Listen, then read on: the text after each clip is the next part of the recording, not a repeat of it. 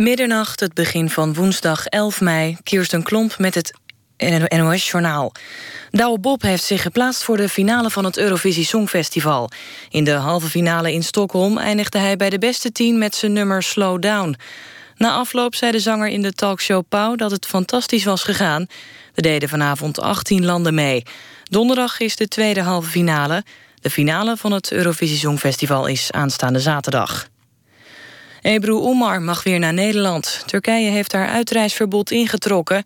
De columniste heeft het land inmiddels verlaten, zegt minister Koenders. Hij noemt het uitstekend nieuws dat ze terug naar Nederland kan. Er is volgens hem veel achter de schermen gebeurd.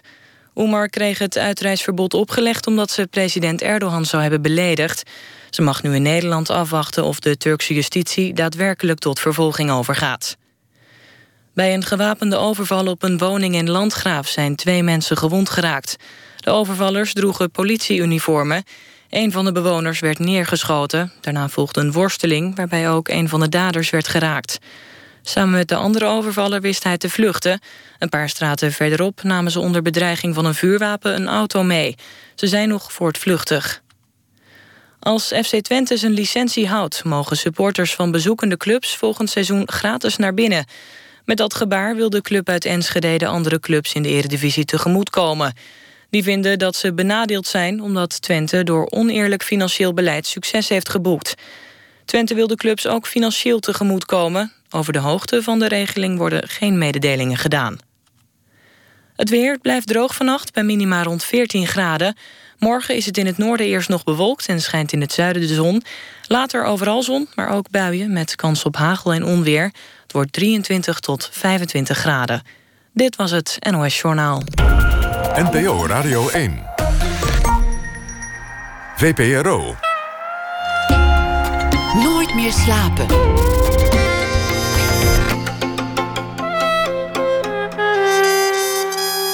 Met Pieter van der Wielen. Goedenacht en welkom bij Nooit meer slapen na afloop van de avond waarop Douwe Bob zich kwalificeerde voor de finale van het Songfestival Proficiat. Over het belang van culturele export gaat het na ene, want er zijn plannen om dat te bevorderen en ook nog richting te geven. Verder een gesprek met Ray Berdowski over zijn nieuwe film Moon Shaped Pool over meisjes die zijn ontsnapt aan IS. Maar we beginnen met Donald Nolet. Handschrift van de Duivel is de titel van zijn nieuwe boek, een thriller. Het is zijn tweede. Twee jaar geleden was hij de succesdebutant bij uitstek in het genre. Want voor zijn eerste boek Versleuteld won hij meteen en de Gouden Strop en de Schaduwprijs. En uh, dat boek ging over een afluisterstation van de nazi's bij Noordwijk in de Tweede Wereldoorlog. En een complot dat daarbij kwam kijken. En het speelde ook nog gedeeltelijk in het heden. In het nieuwe boek valt er ook weer van alles eh, te ontcijferen. Er is weer van alles versleuteld. Het Voynich-manuscript speelt een rol. Een mysterieuze tekst die nooit is ontcijferd. Nolet werd geboren in 1975, studeerde Japans en werkt ook nog als tekstschrijver in de wereld der reclame. Hartelijk welkom. Dankjewel. Hoe gaat het eigenlijk de dag dat je besluit om een spannend boek te gaan, gaan schrijven? Was dat een droom die je altijd al had?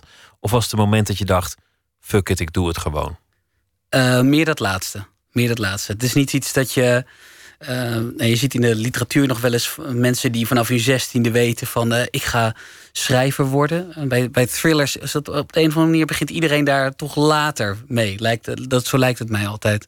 En, uh, maar dit was, dit was meer een soort van groeiend proces. Dat ik merkte in mijn werk moest ik ook veel schrijven. En dat me dat goed afging.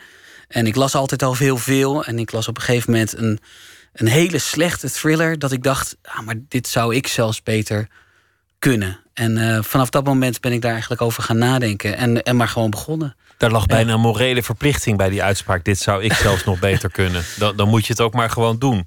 Um, nou, het, het, het, heeft met verschillende dingen te maken. Het, is ook dat ik. Uh, je hebt bijvoorbeeld, uh, je hebt altijd soms op je werk wel eens periodes dat je niet helemaal je ei kwijt kunt. Als je in de reclame werkt, hè, dan, dat je net niet die leuke opdracht krijgt waar, waar je helemaal voor kunt gaan. En dan is het ook heel fijn om daarbuiten iets te hebben wat wel helemaal voor jezelf is. Waar je geen opdracht krijgt, schrijf hier iets over of bedenk hier iets voor. Maar dat je gewoon iets eh, kan, helemaal voor jezelf kan doen. Wat, wat voor teksten maak je eigenlijk op je werk uh, in de reclame? Uh, hoe, hoe, lang worden die teksten? Uh, van alles. Maar ja, het, het, het is vaak reclame, dus vaak is het kort. Dus een radiocommercial van 20, 25 seconden. En soms is het iets langer. Ik heb veel, veel dingen geschreven voor Triodos Bank, duurzame bank. En daar zit soms een, soms een film tussen van, van, van wel een minuut of zoiets. Maar dat, dat is ongeveer de, de stretch. langer dan dat wordt het vaak niet. Dus dat, dat zijn sprintjes en dit is meer een marathon. Het gaat uh, wederom, net als je vorige boek, over iets historisch. De, het begint in de werkelijkheid. Iets dat we weten, wat we net niet weten, wat we misschien een beetje weten. In dit geval het Voynich-manuscript. Wanneer kwam dat voor het eerst op je pad? Wanneer hoorde je daar voor het eerst van? Um, nou, ik heb, een, ik heb eigenlijk altijd wel een soort van fascinatie gehad uh, voor, voor dingen die nog niet helemaal verklaard zijn. Hè. Uh, dingen uit de geschiedenis waar nog allerlei vraagtekens omheen uh, om, over, over zijn. Van, van hoe zit het nou en hoe kan dit? En, en um, daar zijn natuurlijk heel veel voorbeelden van. En tegenwoordig met internet zijn er uh, heel veel behulpzame mensen die daar allemaal lijstjes van maken van, uh, en filmpjes van maken. De top 10 onverklaarbare dingen. En daar, daarbinnen uh, is dat Voynich manuscript, staat daar vaak hoog. En toen ik daar eenmaal iets meer over ging lezen en ontdekte dat daar een hele subcultuur omheen uh, uh, is ontstaan van, van, van websites, van mensen met theorieën, van, van wetenschappers die zich daarmee bezighouden. En tegelijkertijd is het heel erg onbekend. Uh, nou, dat vond ik echt heel interessant. Dus toen ben ik daarin gedoken. Ja. Wat is het? Als, als je het kort zou moeten uitleggen wat het voor manuscript is. Want het is voor een deel ook mysterie en onderwerp van theorieën. Ja, nou ja, het, maar wat weten we zeker? Ja, nou, het Voynich-manuscript uh, bestaat dus. Het ligt in een, uh, in een universiteitsbibliotheek in Amerika. Het is meer dan 200 uh, eh, bladzijden perkament. geschreven in een, in een onbekend schrift. Dus het is, we kunnen, het is niet met letters. Het, het lijkt nog meestal op een, op een soort van elfenschrift. En we weten dus dat het papier waar het op geschreven is... dat dat uit het jaar rond, rond 1400 komt. Uh, naast dat schrift zijn er ook allerlei illustraties, waarvan vele ook uh, van, van planten die, je nog, die, die we eigenlijk nog helemaal niet kunnen identificeren. Van hele rare voorwerpen en, en, en dingen. Waarvan mensen echt nog niet weten wat het betekent. Dus zowel de illustraties erin als het schrift, en dat is honderden bladzijden lang, zijn niet te ontcijferen. En er zijn heel veel mensen die dat al geprobeerd hebben. Nou ja, dat, dat is eigenlijk wat het is. Het is ook moeilijk om iets te ontcijferen als je werkelijk geen idee hebt wat er staat. Ja, het, nou wordt dan een stuk makkelijker als je weet van een paar woorden wat, ze, wat er zou moeten staan. Ja, nou ja, en ze weten dus niet of, die, of, die, of, die, of, dat, of dat schrift dan vertaald moet worden naar, uh, naar het Duits of naar het Latijn of middeleeuws Italiaans. Dat, dat weten ze dus niet. Dat maakt het ook zo moeilijk om het, uh, om, het, uh, om, het, om het te kraken, om het te ontcijferen.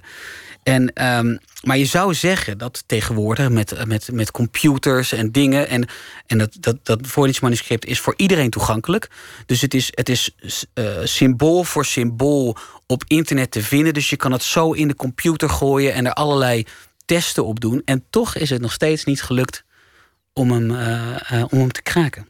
Nou. Voynich is de, de, de man die het voor het eerst naar buiten heeft gebracht. Ja. Dit is niet degene die het geschreven zou hebben. Maar nee. is de, de kunsthandelaar of wat het ook was. Ja, eh, een, een kunsthandelaar uh, van begin 20e eeuw. En die schijnt het uit een Italiaans klooster te hebben opgedoken. Ook al is dat ook nog niet bijna niks is, staat helemaal vast. Maar hij schijnt het uit een Italiaans klooster te hebben opgedoken. En rond 19, in 1912 heeft hij het wereldkundig gemaakt. Dus is hij ermee naar uh, Amerika gegaan en heeft hij het aan verschillende wetenschappers laten zien. En vanaf dat moment is daar eigenlijk steeds is het steeds bekender geworden en zijn er steeds meer mensen zich ermee bezig gaan houden.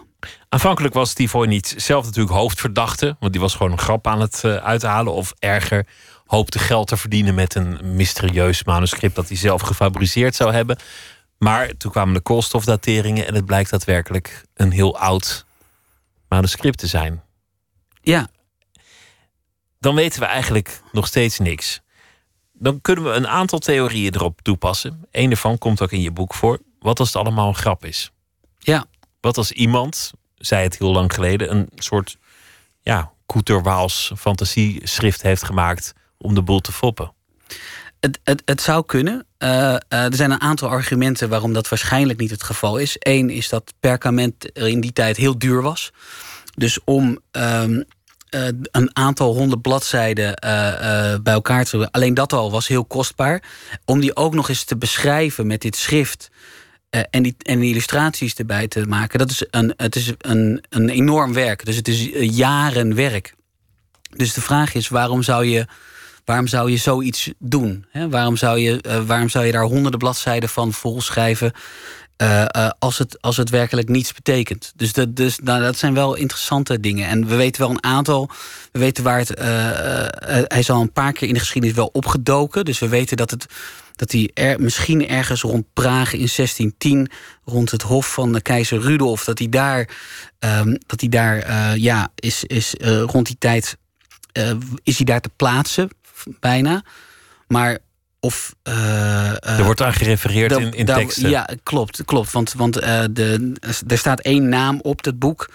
En dat is van, een, uh, van iemand die toen aan het hof was. aan het hof werkte van, van, van keizer Rudolf. Dus ergens rond die tijd wordt het wel geplaatst. Van de, ja, daar is hij toen opgedoken. Maar wanneer hij dan gemaakt is en waarom, dat weten we nog steeds niet. Dan kan het ook nog zo zijn dat iemand een mechanisch hulpje heeft gehad bij het versleutelen van een tekst. Een soort enigma-machine avant la lettre. Dat zou een, een soort rooster kunnen zijn die je steeds opschuift, waardoor je tekens kunt veranderen. Ja. Dus het is wel degelijk een alfabet. Maar als je dat versleutelt en dan nog een keer versleutelt, ja. dan wordt het al best moeilijk te ontcijferen. En het is een dubbele, dan is het een dubbele versleuteling. Nou ja, dat, dat, dat, is, dat wordt heel lastig te kraken. En uh, dan, ja, het wachten is eventjes op, op iemand die het ook echt lukt in mijn, uh, in, in, mijn boek ben ik daar maar van uitgegaan. Dat er op een gegeven moment een redelijk briljant persoon langskomt. Die denkt van ik ga daar eens een poging toe wagen. En uh, nou, dan blijkt dat, uh, het, dat, dat er toch wel meer mensen geïnteresseerd zijn in dit manuscript. Om verschillende redenen. En vanaf daar ontvouwt het, het verhaal zich. Je gebruikt graag de actualiteit. De NSC komt er bijvoorbeeld in voor. En, en de, de hele bankwereld. Die op een gegeven moment achter, achter wiskundigen en, en wiskits aanzat. Ja. Iemand die die wereld de rug toekeert. En wil gaan doen wat ze, wat ze eigenlijk altijd al wilde doen. Wordt jouw hoofdpersoon. Dan zitten we vol in het heden. Maar die, die code die moet nu maar eens eindelijk gekraakt worden. Daarvoor worden hele handige computertrucs gebruikt. En dan blijken er natuurlijk zoals altijd mensen te zijn die belangen hebben. En die liever niet willen dat het uitkomt wat daar staat. Daar, daar, daar ben je aan de haal gegaan met de waarheid. Daar, daar heb je je fantasie de vrije loop gelaten. Uh, voor een deel, voor een deel. Uh, ja, het, het, klopt inderdaad dat, uh, ja, je, dat is een beetje het lastige van het thriller. Dat je, je wil niet te veel van je plot weggeven, want bij een thriller gaat het daar toch ook heel erg over. Maar um, laat ik het zo zeggen, dat, dat zelfs in deze tijd, dat als je een waarin, waarin geheime communicatie, versleutelde communicatie zowel voor, voor overheden, maar ook voor ons als, als, als gewone mensen steeds belangrijker wordt. Je ziet steeds meer mensen die, al, die versleuteld willen mailen, versleuteld willen bellen, zodat je dat, hè, zodat je dat die, de overheid daar geen, geen, uh, geen, uh, toegang, niet, toe geen heeft. toegang toe heeft. En dan, dan is het gewoon zo dat als er, een, als er een schrift is, een methode van communiceren die al 400 jaar ongebroken is, waar zelfs de slimste computers niet achter kunnen komen hoe dat in elkaar zit. Ja, dat is opeens, dat is voor heel veel partijen interessant. Denk ik dan. En, uh, en uh, het is bekend dat uh, al vanaf de oprichting van de NSC in 1946. dat hun hoofdcryptografen zich bezig hebben gehouden met dit probleem. Dat is feit, dat is de, geen fictie. Je, je neemt steeds de feiten. En, en dan ga je eigenlijk niet hele wilde dingen doen. Er, er worden niet ontzettend veel mensen vermoord in jouw boeken de, de, ja, de, ach, nou ja, ik hoef niet alles te verklappen, maar niet heel, het, is, het is niet bloedvergieten. La, nee. Laat ik het zo zeggen. Nee. nee. En um, je, je, neemt eigenlijk geen wilde stappen. Je, je neemt een situatie die er is. Je gaat dan verder denken, nou ja, zo zou het kunnen gaan, zo zou het kunnen zijn. Maar dan maak je het ste stevast niet te exotisch. Je hebt de geloofwaardigheid altijd aan je zijde. Moet je ja. jezelf daarvoor inhouden? Um, ik denk dat ik dat automatisch doe. Want, want ik heb zelf. Uh, ja, ik, ik, vind het, ik vind het leuk om inderdaad vanuit een bestaand iets te, te, te, te werken. Maar juist als je dat doet, dan, dan dat dwingt je ook om, uh, om, dat, om dat vast te houden. Want als, als, als de afstand tussen, tussen wat echt is en wat fictie is te groot wordt, dan, dan geloof je ook niet meer uh, wat, je, wat je daarvoor hebt, hebt gelezen. Dus het is. Um, ja, en nou ja, de grap is dat er komen weer spannende boekenweken aan. En dan uh, het thema daarvan is bloed in de polder. Nou ja, dat is iets wat mij dus niet zo heel erg uh, fascineert. Het gaat mij meer om de, om de puzzel en om het, om, het, om het raadsel en om dat, dat op te lossen. Maar ik vind, ja, de, de, de, het, het, het mooie vind ik dat je, dat je iets kan, kan maken wat, waarvan je inderdaad achteraf kan zeggen van, nou ja, het, het, het, het, het, zou, het zou zo gebeurd kunnen zijn. Je, je weet het niet, want we weten, we weten het echt nog niet. Maar, maar het, het is niet onmogelijk. En er is altijd nog de magie, en nu, nu verlaten we een beetje uh, het boek om ook het plot niet weg te geven. De magie van oude teksten. Je hebt ja. Dan Brown gehad, de Da Vinci Code. Je, je hebt natuurlijk het, uh, um, het evangelie van Judas. Allerlei teksten die de katholieke kerk liever in een, in een kluis zou houden. Om niet uh, weg te geven dat het eigenlijk allemaal anders zit. Of, of dat Jezus een andere tekst heeft uitgesproken. Ja. Of, of zouden er nog meer teksten zijn die nog meer haat zouden kunnen zaaien tussen de Soenieten en de Shiiten? Wordt ook Of- over gespeculeerd. Ja, of ze juist weer bij elkaar zouden kunnen brengen. Of dat het allemaal gewoon opgelost is. Dat er gewoon zwart op wit staat wie je moet geloven en wie niet. Ja, Dat is altijd de magie. Hoe heb je, hoe heb je dat aangepakt in, in dit geval met, met je voorbereiden? Ga je ook echt helemaal zo'n zo'n wereld induiken? Raadpleeg je deskundigen?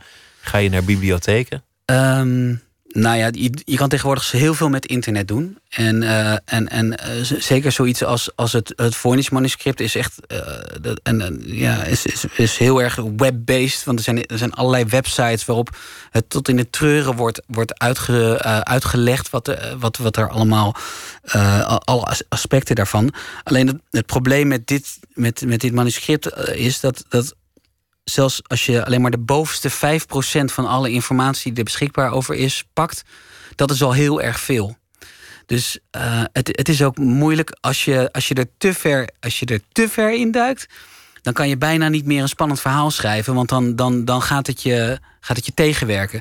Dus je moet zorgen dat je precies genoeg kennis hebt om, eh, om te zorgen dat het wel geloofwaardig blijft. Hè? En dat als mensen gewoon kijken en, en op een website kijken over de Voynich manuscript en ze, en ze klikken dat door, dat ze dan denken van ja, maar dit, dit, dit klopt inderdaad. Dit heb ik ook gelezen daarin.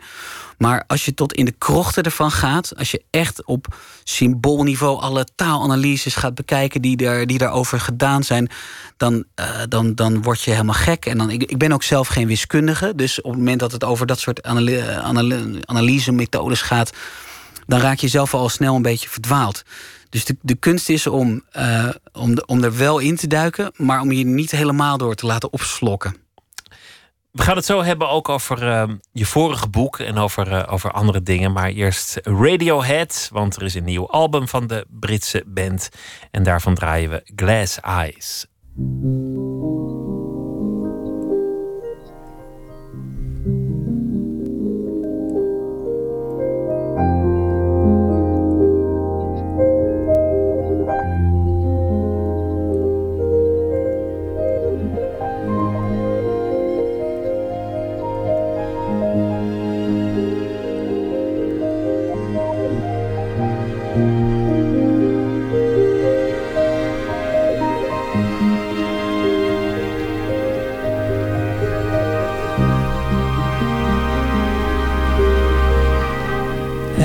It's me. I just got off the train. A frightening place. The faces are concrete gray, and I'm wondering, should I turn around? Buy another ticket. The panic is coming on strong, so cold from the inside out. No grid drama message coming in on the oh so small glassy eyed light of day. Glassy eyed light of day.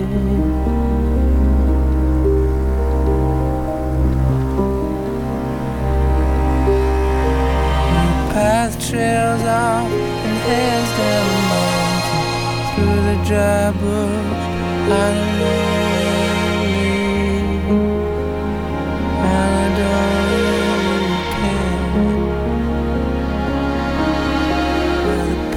trails out and heads down the mountain through the dry wood. I don't know.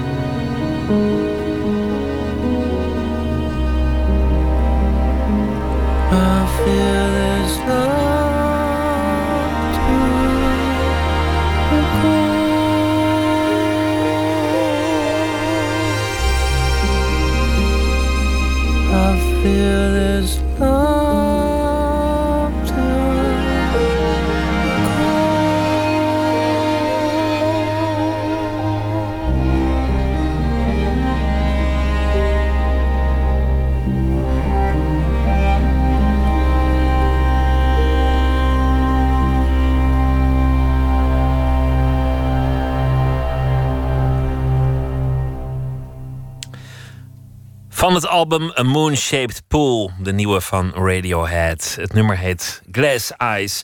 Nooit meer slapen in gesprek met uh, thrillerschrijver Donald Nolet. Hij heeft een uh, nieuw boek, Het Handschrift van de Duivel. Zijn vorige boek heette Versleuteld. En daarvoor won hij de Gouden Strop en de Schaduwprijs 2014. Twee mooie prijzen voor uh, schrijvers van het spannende boek. Over het Voynich-manuscript gaat het nieuwe boek. Het vorige boek, Versleuteld, ging over een afluisterstation tijdens de Tweede Wereldoorlog. Daarover straks meer. Geboren in 1975. Ik zei al dat je tekstschrijver bent in de reclamewereld uh, als uh, dagbezigheid, als, uh, als gewone baan. Ja. In het, in het boek gaat het, in, in, je laatste boek gaat het ook over een hoofdpersoon die de eigen weg vindt tegen de wil van de ouders en de, de omgeving in, die gaat doen wat ze echt wil doen. Ook al zeggen mensen, je bent gek of er valt zoveel meer te verdienen of er zijn degelijker keuzes te maken. Hoe ging dat bij jou eigenlijk? Toen je, toen je Japans ging studeren bijvoorbeeld? Um, ja, dat was niet de eerste keuze. Van, uh, mijn ouders stonden niet te juichen toen ik met dat, uh, met dat plan kwam. Uh, het is niet zo dat ze me hebben gedwongen om iets anders te gaan doen. Maar zij hadden wel uh, ze hebben me wel aangemoedigd om daarnaast ook nog even naar iets anders te kijken. Van, nou, zou je misschien toch niet rechten gaan studeren? Want, uh, want dat vind je toch ook heel interessant. En, rechten of geneeskunde, iets, iets ja, degelijks. Ja, en ik heb zelfs nog even naar ze geluisterd. Ik heb nog een jaar uh, rechten gestudeerd, keurig. En, en ik vond het niet zo interessant. En, en dus ging het ook niet zo goed. En toen heb ik na een jaar gezegd van nee, nee, dit gaat hem niet worden. Ik ga toch, ik ga toch doen wat, men, wat mij het allerleukst lijkt. En dan kijk ik daarna wel wat ik ermee, uh, wat, wat, wat ik ermee kan of wat ik ermee ga doen. Maar dit is wat ik nu, uh, wat ik nu wil gaan doen. Dus toen ben ik, uh, toen ben ik Japans gaan studeren. Waarom Japans? Um, nou ja, het is dat, een soort fascinatie die begonnen is toen ik uh, denk een jaar of 12, 13 was. Met, uh, met dingen als uh, vechtsporten en, en ninja's. En langzamerhand werd dat steeds iets serieuzer. En dan ging ik boeken lezen, oh, zoals Shogun. Zo'n, Shogun, dus, ja. ja, ja zo'n, zo'n, is ook een mooi boek als je, als je 12 bent, zeker. Ja, ja echt in die leeftijd was dat heel invloedrijk. En, en dat werd langzamerhand steeds serieuzer. En die, en die taal is, is zo volkomen uh, anders dan, dan, dan alle uh, Romaanse talen of, of, of Germaanse talen. Dus je begint echt helemaal vanaf, vanaf nul. En dat leek me wel een echt enorme uitdaging om, daar, uh, om, om dat te leren. Ik dacht van dat, dat is wel iets waar ik, daar, kan, daar kan ik gewoon jarenlang mee bezig zijn. Zonder me een moment het gevoel te hebben van nou, nu, nu vind ik het niet zo leuk meer of niet zo interessant meer. Dat is echt een uitdaging. Ja. In Leiden deed je dat. Ja. Um, je hebt het ook daadwerkelijk afgemaakt, als ik goed geïnformeerd Klopt.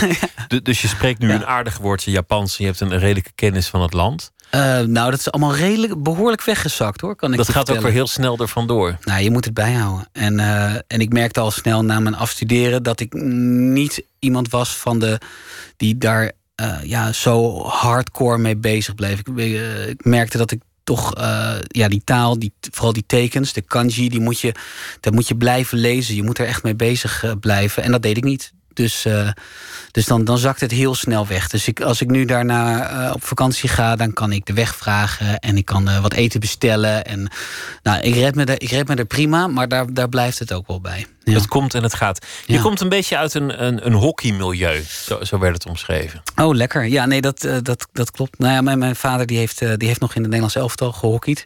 Dus, uh, en ik, ik kom uit een keurig dorpje vlakbij, vlakbij Utrecht. Dus ik heb altijd, ik heb altijd inderdaad gehockeyd. En, maar ik ben op een gegeven moment ook een, daarnaast een, meer een vechtsport gaan doen. toch weer een hele andere andere kant en een ander soort mensen ook. Dus dat was, vond ik vond het altijd wel heel leuk om die twee wereldjes naast elkaar te hebben. Ja. Ik las dit weekend in de krant in, in een mooi stuk dat, dat vechtsporten ook heel erg netjes aan het worden zijn. De, het witte borden boksen werd dat genoemd. Oh ja, ja dat, dat, dat is nu wel een trend inderdaad. Ja, ja. ja.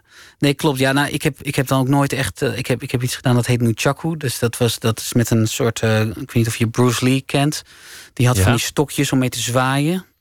Nou, daar is op een gegeven moment een sport van ontwikkeld. En dat heb ik echt uh, nou, 10 of 15 jaar of zo gedaan. Ook nog best wel op hoog niveau. Dus, uh, dus dat, dat, vond ik, dat vond ik hartstikke leuk om te doen. En heel veel van die sporten, vooral degene die ook iets met Japan te maken hebben, die hebben mij altijd wel, altijd wel gefascineerd, inderdaad. Ja. Je vertelde aan het begin dat je een heel slecht spannend boek las en dacht, nou, dat zou ik zelfs nog beter kunnen. En, en daar lag ineens het plan. En toen ging je aan, aan de slag. Iemand die voor jou belangrijk is geweest en nog steeds is, is Thomas Ros. Ja. Wat is jullie band en, en hoe kennen jullie elkaar? Um, nou, ik, ik had een, eh, een, een, eerste versie geschreven van, mijn, uh, van een boek. Uh, en dat, dat is, werd uiteindelijk versleuteld. En die heb ik toen, zoals dat dan gaat. Als je, ik had geen connecties. Ik kende niemand bij uitgeverijen. Dus ik heb gewoon op internet opgezocht welke uitgeverijen allemaal spannende boeken uitgaven. En die heb ik allemaal een, grote stapel met papier gestuurd. En, uh, heel ouderwets, gewoon heel ouderwets. Ja, en dan kom je op wat de slushpile heet. En dus dan, dan, dan lig je dus op een stapel met, met, met manuscripten van iedereen die, uh, die, die wat opgestuurd heeft.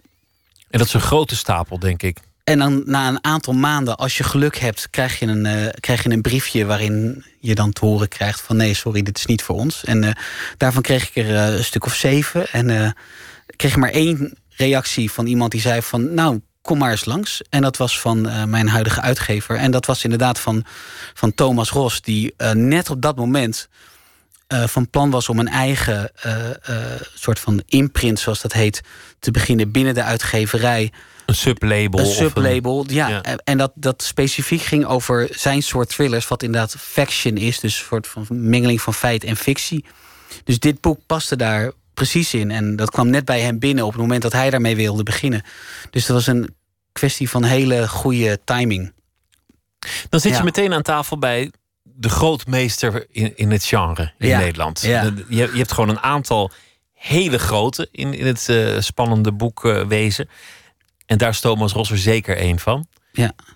En die zit dan tegenover jou met, met wat aanvankelijk nog een wild plan leek. Van nou ja, ik, ik ga ook een spannend boek schrijven. Hoe, hoe is dat? Wat gebeurt er dan?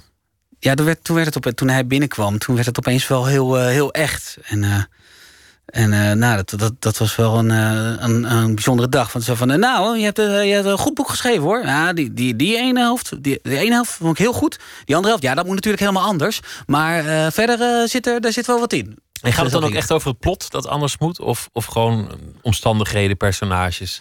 nou ja, de kern van het verhaal vond, vond hij heel goed. Maar e-, één verhaallijn zei hij van... Nou, dan, dan moet echt anders. En dat, dat, dat personage moet anders. En dit moet... De, de, de, was heel veel waar hij uh, wat op aan te merken had. En, uh, en daar heeft hij me gewoon ontzettend mee geholpen. Dan gingen we, uh, ik heb heel vaak bij hem op de uitgeverij, gingen we zo'n heel klein hokje zitten. En dan, en dan gaat hij dan een uur lang gaat hij alleen maar dingen roepen en ideeën roepen. En, en, en af en toe een sigaret roken. En dan, um, hij legt niks op hij draagt aan. En dan, en dan is het aan, was het aan mij om, om daaruit te filteren. En uh, als ik dan iets hoorde waarvan ik dacht van... ja, maar dat is inderdaad wel goed. Dat, dat vind ik, dat vind, dat, uh, hier kan ik echt iets mee. Of dit, dit voelt goed. Dan ging ik, daarmee, uh, ging ik daarmee aan de slag. En zo is dat boek zeg maar steeds verder gekomen. Ja. Thomas Ros is altijd gefascineerd door complotten. Gelooft ook fanatiek in complotten. Ja. En wil ook het liefst vanuit de waarheid verzinnen hoe het echt zou moeten zijn. Maar ook wel met de gedachte dat het in het echt anders is dan het doet voorkomen of dan het ons gepresenteerd wordt. Ja. Hoe paranoïde ben jij? Uh, volgens mij valt het wel mee. En volgens mij ben ik iets minder fanatiek daarin dan, uh, dan hij. Uh, ja, het, is, het is wel zo dat. Um, nou, je hebt nu wel door, door van die onthullingen van Snowden en dat soort mensen. Uh, dingen als de Panama Papers. Nee, elke paar jaar komt er nu zo'n zo'n zo'n zo'n beerput wordt er opengetrokken. Dat je, uh, je hoeft niet eens meer paranoïde te zijn om, om, om, die, om, om dat soort dingen uh, ja, te kunnen gebruiken in je, in je, boeken. Het is niet meer zo, veel dingen zijn niet meer zo ver gezocht. Maar ja, ik, ik deel natuurlijk niet alles. hij heeft een redelijke fascinaties voor de, fascinatie voor de oranjes en zo. Vind ik allemaal wat minder uh, interessant en wat minder, wat minder belangrijk misschien. Dus, um, maar daar zeg je wel iets interessants. Het is bijna onmogelijk om niet in complotten te, te geloven, want ze staan gewoon in de krant. Ze zijn gewoon op het journaal. Ja, nee, precies. Nou ja, dat, dat, dat soort dingen.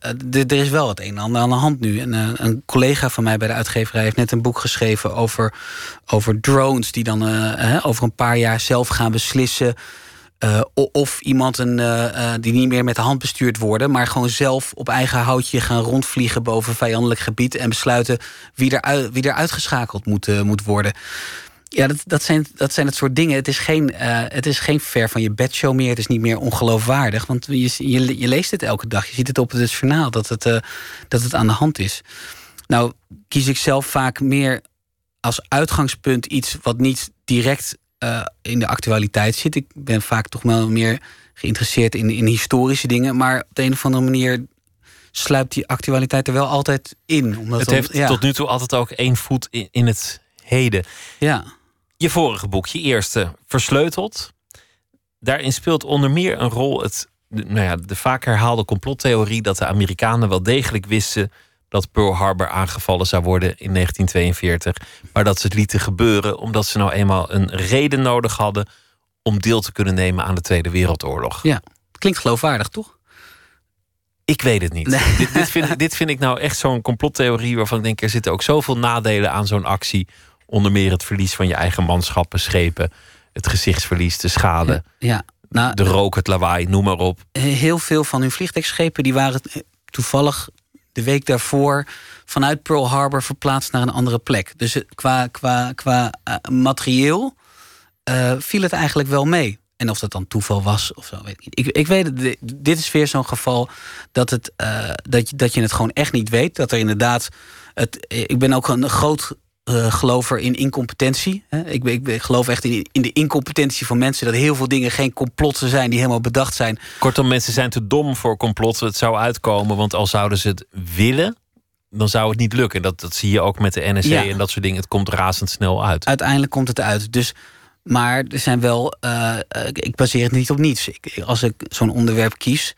Dan, dan lees ik wel ook uh, veel werken. En er, zijn een, er, zijn, er is een hoop uh, niet direct bewijs, geen, uh, uh, geen direct bewijs, maar wel dat je denkt van ja, daar zit iets toch niet helemaal goed. Want, want er zijn, maar daarvoor moet je, er, moet je er echt induiken. En dan moet je ook weten hoeveel afluisterstations die Amerikanen over, die hele, over dat hele gebied hadden. Want dat is meestal de redenering. Ja. Ze waren zo goed ingevoerd. Hoe kan het nou dat ze dit niet zagen aankomen als het zo'n grote operatie was? Ja, ja. En, en als ze zoveel mensen in het Japanse leger wisten dat ze dat gingen doen, hoe kan het dan dat die Amerikanen dat niet wisten? Dat is meestal de redenering die leidt tot de theorie. Ze wisten, het kan nog steeds stunteligheid zijn, ze wisten het wel, maar vergaat het door te bellen of het memo-briefje ja. bleef maanden op het bureau geplakt. Klopt, het, het, het, kan nog steeds. En het is, en het is gewoon aan, aan beide, beide zijden nog nooit helemaal uh, ze hebben het nooit helemaal helder kunnen maken. Maar wat ik wel weet is dat nog steeds uh, alle uh, intercepties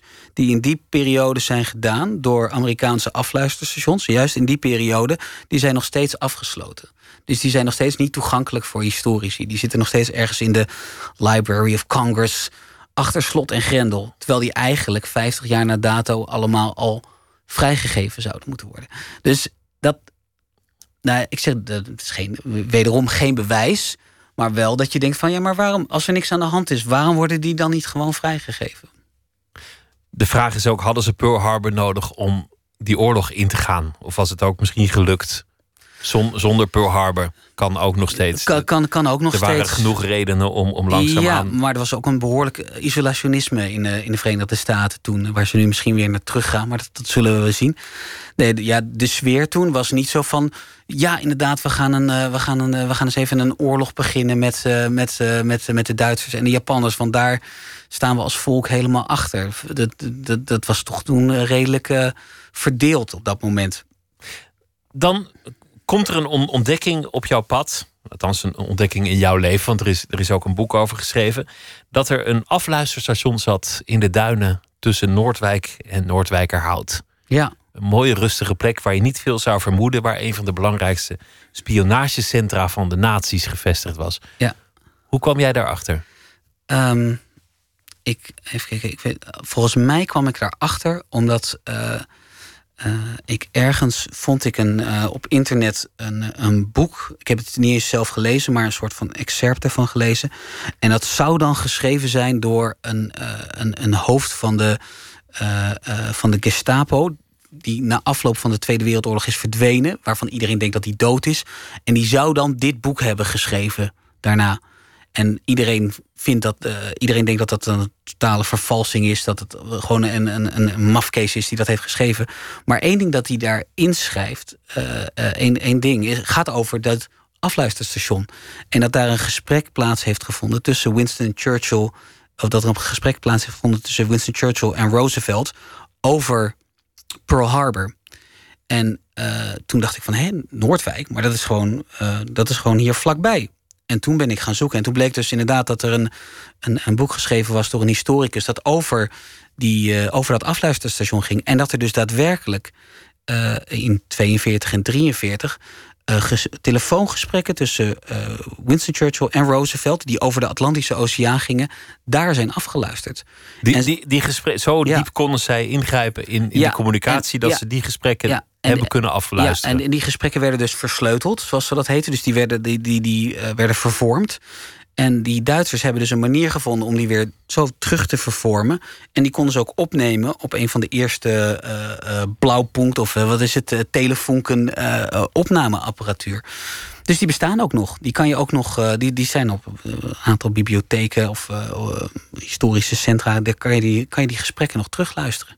Dan ja. heb je twee dingen gecombineerd, namelijk de, de Duitsers die vanuit de duinen bij Noordwijk de geallieerden afluisteren en de complottheorie dat ze wel degelijk wisten dat Pearl Harbor eraan kwam. Ja. En toch laat je het afspelen in het heden. Dan is het iemand die op zoek is naar zijn opa, maar ook mensen die nu natuurlijk helemaal niet erop zitten te wachten dat het ooit nog naar buiten komt. Ja.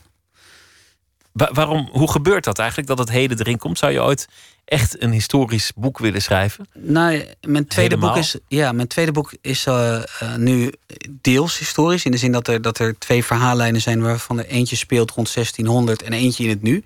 Dus ik heb nu al een stap die richting opgezet. Maar ja, het, het was ook voor een, uh, voor een deel is het ook dat, dat het heden bekend is. Je hoeft niet letterlijk alles op te zoeken. Want als, je, als je een boek, al, al doe je het 40 jaar terug of 50 jaar terug dan moet je die wereld helemaal opnieuw kunnen scheppen. En dat is natuurlijk een enorme hoeveelheid werk om dat tot in de details en de finesses goed te doen. En dat wil je natuurlijk wel.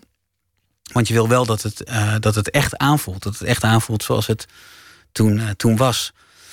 Dus uh, wellicht dat ik het nog wel een keer ga doen. Want, ja, want je noemde ja. eerder Shogun, zo'n zo boek over, ja. over Japan in de, wat was het, 17e eeuw. Ja, ik vind dat geweldig. Ja. Dus ik, het zou goed kunnen dat ik dat nog wel een keer, uh, dat ik dat nog zo'n soort, zo'n soort uh, boeken wil schrijven. Ja, ja, ja.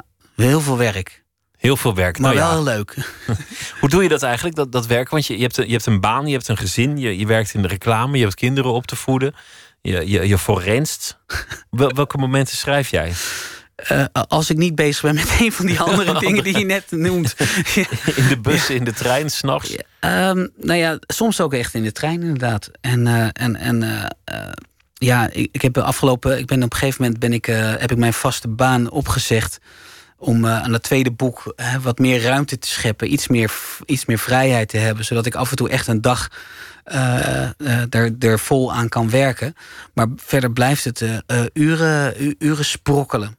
En, uh, en, en op het moment dat je tijd hebt, dan moet je hem gewoon meteen gaan schrijven. Dan kan je niet zeggen van, uh, van nou, ik heb vandaag eventjes geen, uh, geen inspiratie of zo. Dat, dat zit er dan niet in. Dus het is, dat is, best, wel, dat is best wel bikkelen. En, is het ook een vlucht? Ja. Want je hebt een leven vol verplichtingen. Is, is dan ook het moment dat je in vrijheid gewoon aan de slag kunt, erop los kunt fantaseren?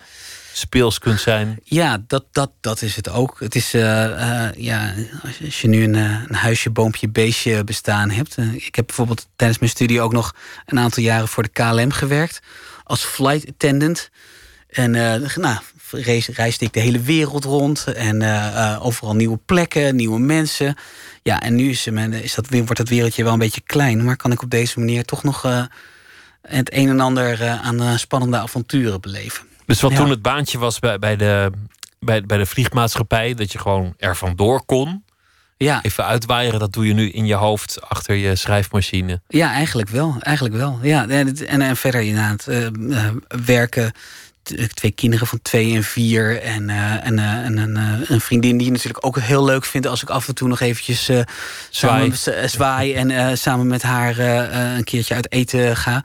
Dus nee, ik verveel me geen moment op de, deze, deze jaren.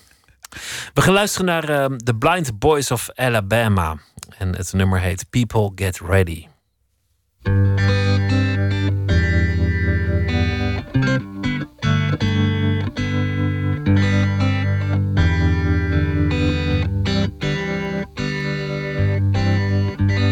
People get ready, there's a train a coming. You don't need no baggage, you just get on board. All you need is faith to hear the diesels humming. You don't need no ticket, you just thank the Lord.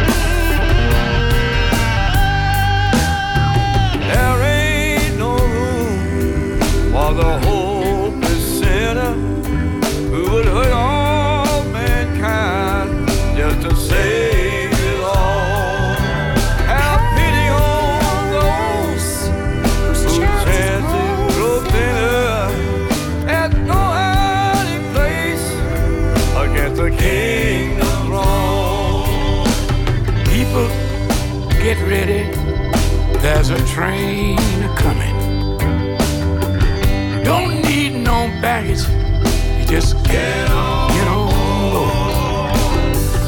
All you need is faith to hear the diesels humming. Don't need no ticket. You just thank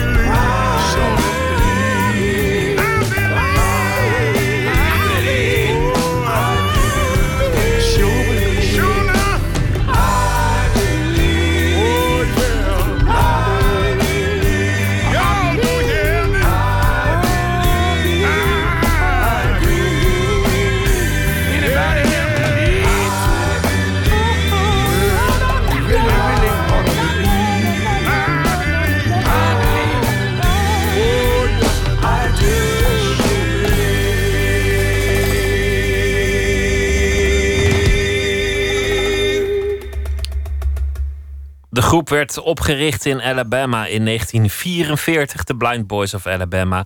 En ze bestaan nog altijd, niet met alle originele leden uiteraard. Maar de muziek voldoet nog steeds aan het principe. Het nieuwe album heet Higher Grounds. En dit nummer, ook wel uitgevoerd door anderen als eh, Curtis Mayfield, staat erop: People Get Ready. Nooit meer slapen in gesprek met Donald Nolet. Naar aanleiding van het eh, boek, het handschrift van De Duivel. En eh, hij heeft daarvoor ook al een eh, spannend boek geschreven, Versleuteld. De winnaar van de Gouden Strop 2014. We hebben het eh, gehad over het begin van je boeken. Vaak iets historisch vermengd met iets actueels. En we hebben het gehad over jouw, jouw gang naar het schrijverschap, waar je steeds meer op bent, bent gaan richten. Je zei dat je ook nog een tijdje hebt gewerkt voor de KLM. Klopt. Al- al- als, Ja. een, als een soort bijbaantje. Hoe, hoe kwam dat eigenlijk? Dat, dat is niet een typisch studentenbaantje. Uh, om nee, nee, nee, nee. Nou, ik, ik, uh, ik studeerde dus Japans. En uh, ik had ook het tweede jaar van mijn studie heb ik in, in Japan doorgebracht. er is daar, ik weet niet of je daar wel eens van gehoord hebt, um, een soort Nederlands themapark. Dat heet Huis ten Bos, waarin ze gewoon letterlijk allerlei bekende gebouwen, zoals Huis ten Bos, maar ook de Domtoren en de grachten, na hebben gebouwd. Dat is op Kyushu, het zuidelijke eiland van Japan. En, uh, en daar heb ik dus met een aantal medestudenten een jaar gezeten. En uh, toen had ik de smaak goed te pakken. Dus toen heb ik, uh, heb ik heel hard gestudeerd om in aanmerking te komen voor een Japanse onderwijsbeurs. En die dacht ik binnen te hebben. En toen sloeg de Azië-crisis toe, een tijd geleden. Toen had je ze ook al, die crisissen. 1998. En, ja, klopt. Ja, ja. ja, En toen werd in één keer werd mijn beurs geschrapt. Dus uh, waar ik uitkeek naar een jaar aan een Japanse universiteit, volledig betaald, uh, uh, had ik opeens niks en moest ik geld verdienen. En, maar ik moest ook nog een scriptie schrijven. En hoe ging ik dat in godsnaam doen? En toen kreeg ik een soort van ingeving dat ik dacht van, nou misschien, maar als ik, als ik dit ga doen, dan heb ik wel een, het is wel een fulltime baan in, in, in zekere zin.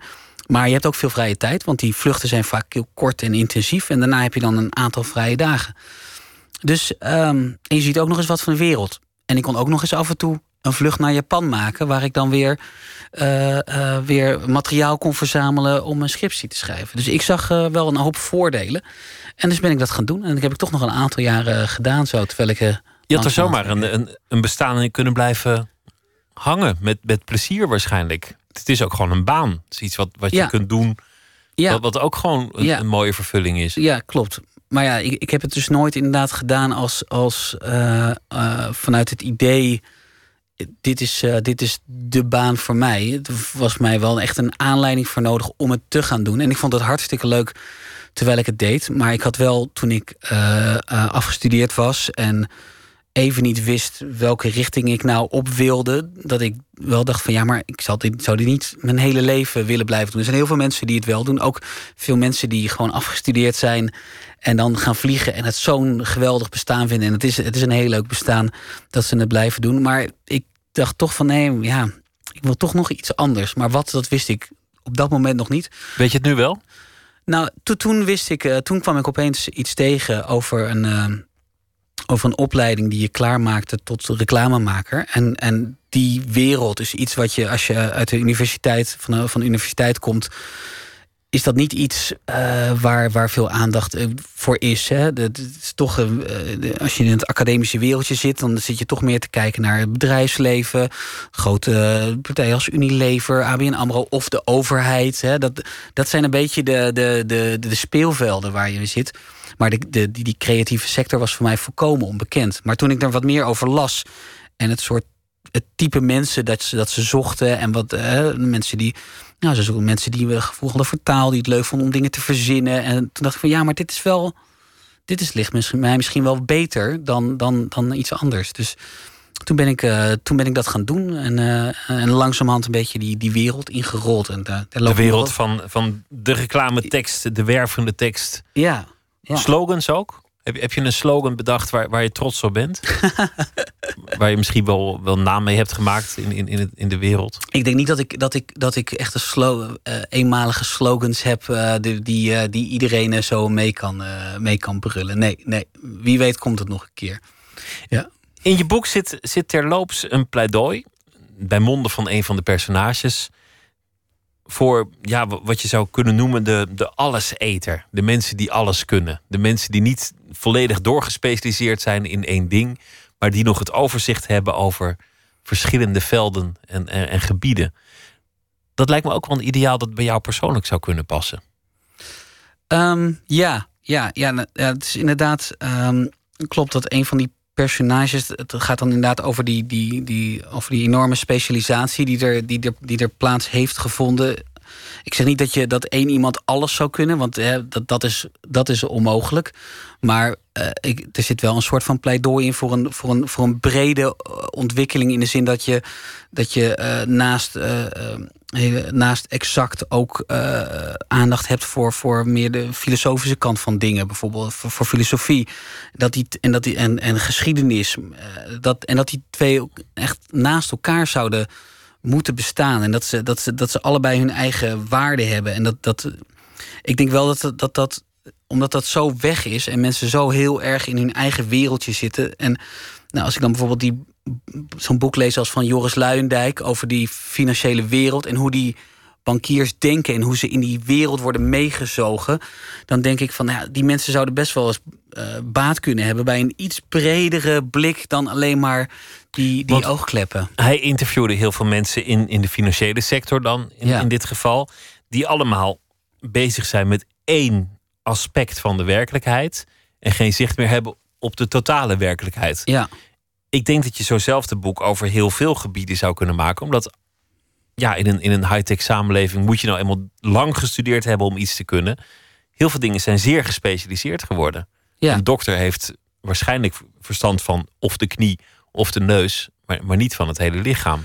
Nee, nee. En ik- zeg ook niet dat iedereen van alles verstand zou moeten hebben of zou kunnen hebben. Want dat, dat, dat, dat, dat, eh, dat, dat is onmogelijk. Want, want die kennis is, is gewoon eh, enorm uitgebreid. Maar eh, ik denk wel dat mensen er baat bij kunnen hebben om zich, eh, eh, om, om zich daarnaast ook in andere gebieden te, te interesseren. En die niet uit te sluiten. En daar ook de waarde van in te zien. En nou ja, dan, dan, want, ja, mensen die zich alleen maar bezighouden met, met, met, met geld verdienen of alleen zich bezighouden met, met de menselijke knie. dan denk ik van ja, dan mis je toch wel een hele hoop. En dan heb je ook het, loop je ook het gevaar om een soort van tunnelvisie op de werkelijkheid te hebben. Die op de lange termijn eh, eh, niet noodzakelijk heel erg eh, goed uit gaat pakken. En er zit volgens mij ook een weigering in als je, als je dit zegt voor jezelf. Dat heeft jou zelf nooit aangetrokken om je heel erg te specialiseren. Als jij in de wetenschap verder was gegaan, had je een proefschrift moeten schrijven over één aspect van de Japanse taal of cultuur. En had je daarin verder moeten specialiseren, wellicht. Ja. Had je ook in, in zo'n pad kunnen, kunnen gaan staan? Ehm, nou ja, het, het, is- het is, eh, voor mij is het meer dat ik inderdaad om de zoveel jaar eh, het blijkt het roer een beetje om te gooien. Eh, dat, dat ik dan weer een, en, en het is niet zo dat ik dat heel bewust uitzoek. Het is ook een beetje van wat je ligt. En ik, ik denk dat een, een wetenschappelijke carrière eh, voor mij. eh, Ik denk niet dat, dat die erin had gezeten als ik kijk naar mijn cijfers van, de, van, van tijdens mijn studie. Het heeft hem ook nooit echt eh, geïnteresseerd. Ehm, maar ja, laat ik het zo zeggen, ik, vond, ik vind het wel een, een verrijking dat ik in verschillende, ja, verschillende stukjes van de samenleving kan, kan, kan bekijken. Hè. En, en de, de reclamewereld is een heel eigen cultuurtje. En dat eh, heb ik eh, mateloos interessant gevonden om daar een aantal jaren in rond te lopen. En, en in te kijken hoe zit dat nou in elkaar, hoe werkt dat. En nu, met, nu ik boeken ben gaan schrijven, zit ik opeens met één been ook in dat, in dat schrijverswereldje en dat uitgeverswereldje. Wat ook weer een hele eigen eh mores en, en eigen manier van omgaan met elkaar heeft. En dat is, eh, behalve dat het wel leer, heel leerzaam is, ook nog eens heel erg leuk. Ik wens je heel veel eh, succes daarbij. En ook met het schrijven van die historische roman, die er ongetwijfeld toch gaat komen. Dat voorspel ik alvast. Het eh, boek heet Handschrift van de Duivel. Donald Nolet, dankjewel. Heel graag gedaan. We gaan luisteren naar Kevin Morby, een Amerikaanse singer-songwriter van zijn vierde album Singing Saul, is hier Drunk and on a Star.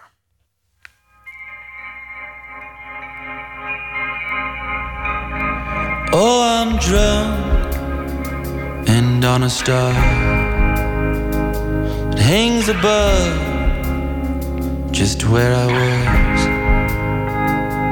holding court while watching over, keeping fort, a midnight soldier.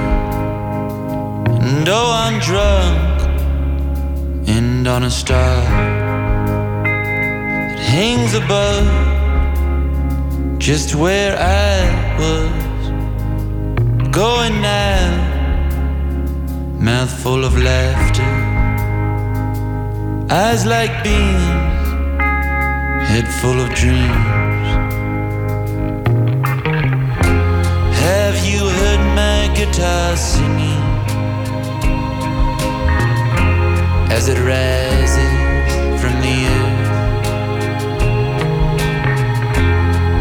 the company it's bringing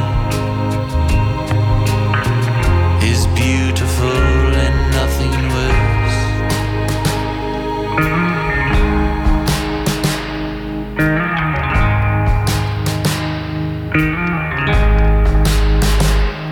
Pop.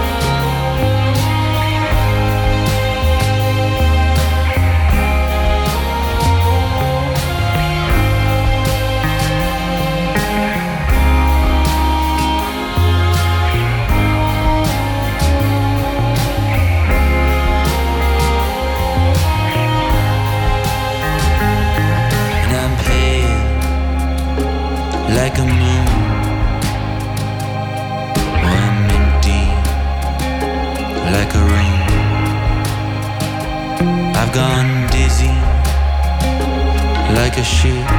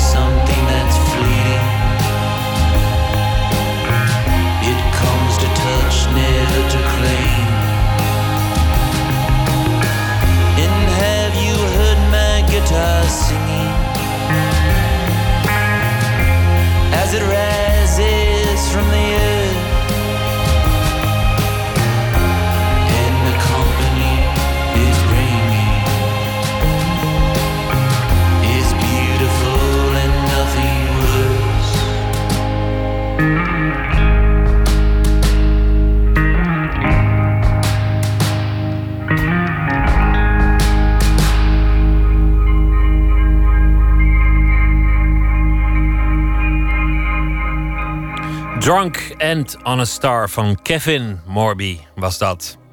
Zometeen in eh, Nooit meer slapen gaan we het hebben over Yazidi Girls. Een documentaire van eh Rebardowski over aan IS ontsnapte Yazidi-meisjes in Noord-Irak. We gaan praten met de filmmaker over eh, het verschil tussen journalistiek en kunst... en over de onmogelijkheid niet betrokken te zijn bij de oorlog. Jet van Nieuwkerk komt langs. Hij heeft een boek geschreven over gezond leven... vol goede recepten en handige tips voor eh, jonge meisjes. Het boek heet Het Boek van Jet. En we beginnen zometeen ook met eh, de schrijver. Dat is namelijk eh, Arie Storm... die deze week elke nacht een verhaal zal maken... over de voorbije dag. Dat allemaal zometeen in Nooit meer slapen. Twitter, het VPRO NMS. U kunt ons... van complimenten voorzien op Facebook als u die behoefte voelt. En zich abonneren op de podcast via de website van de VPRO, vpro.nl slash nooit meer slapen. Of via iTunes.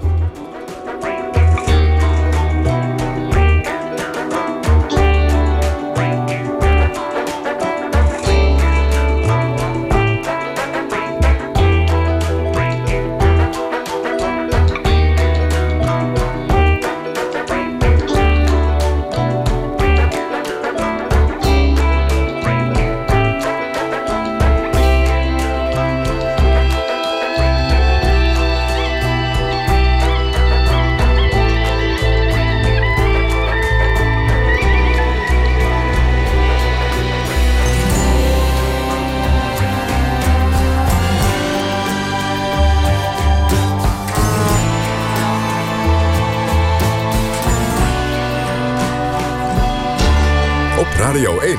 Het nieuws van alle kanten.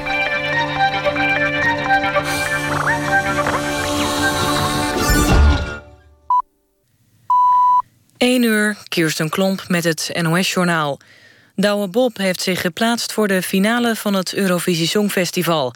In de halve finale in Stockholm eindigde hij bij de beste tien met zijn nummer Slow Down. Na afloop zei de zanger in de talkshow Pauw dat het fantastisch was gegaan. De finale van het Eurovisie Songfestival is aanstaande zaterdag. Ebru Umar mag weer naar Nederland. Turkije heeft haar uitreisverbod ingetrokken. De columniste heeft het land inmiddels verlaten, zegt minister Koenders. Hij noemt het uitstekend nieuws dat ze terug naar Nederland kan. Umar kreeg het uitreisverbod opgelegd omdat ze president Erdogan zou hebben beledigd. Ze mag nu in Nederland afwachten of de Turkse justitie daadwerkelijk tot vervolging overgaat. In Frankrijk wordt een omstreden arbeidswet ingevoerd zonder het parlement erover te laten stemmen. Premier Valls heeft dat besloten.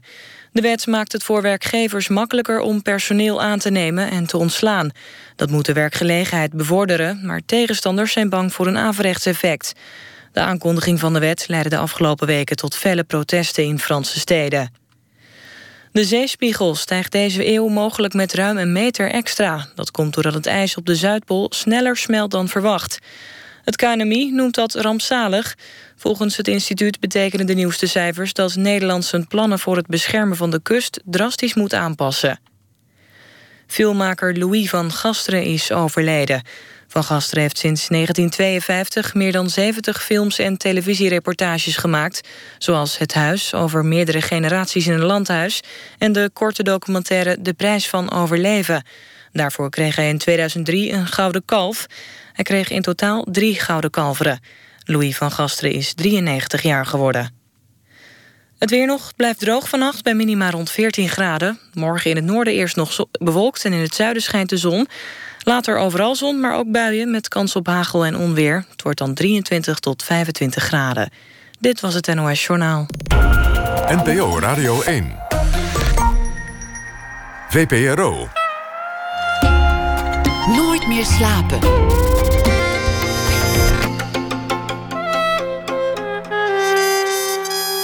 Met Pieter van der Wielen.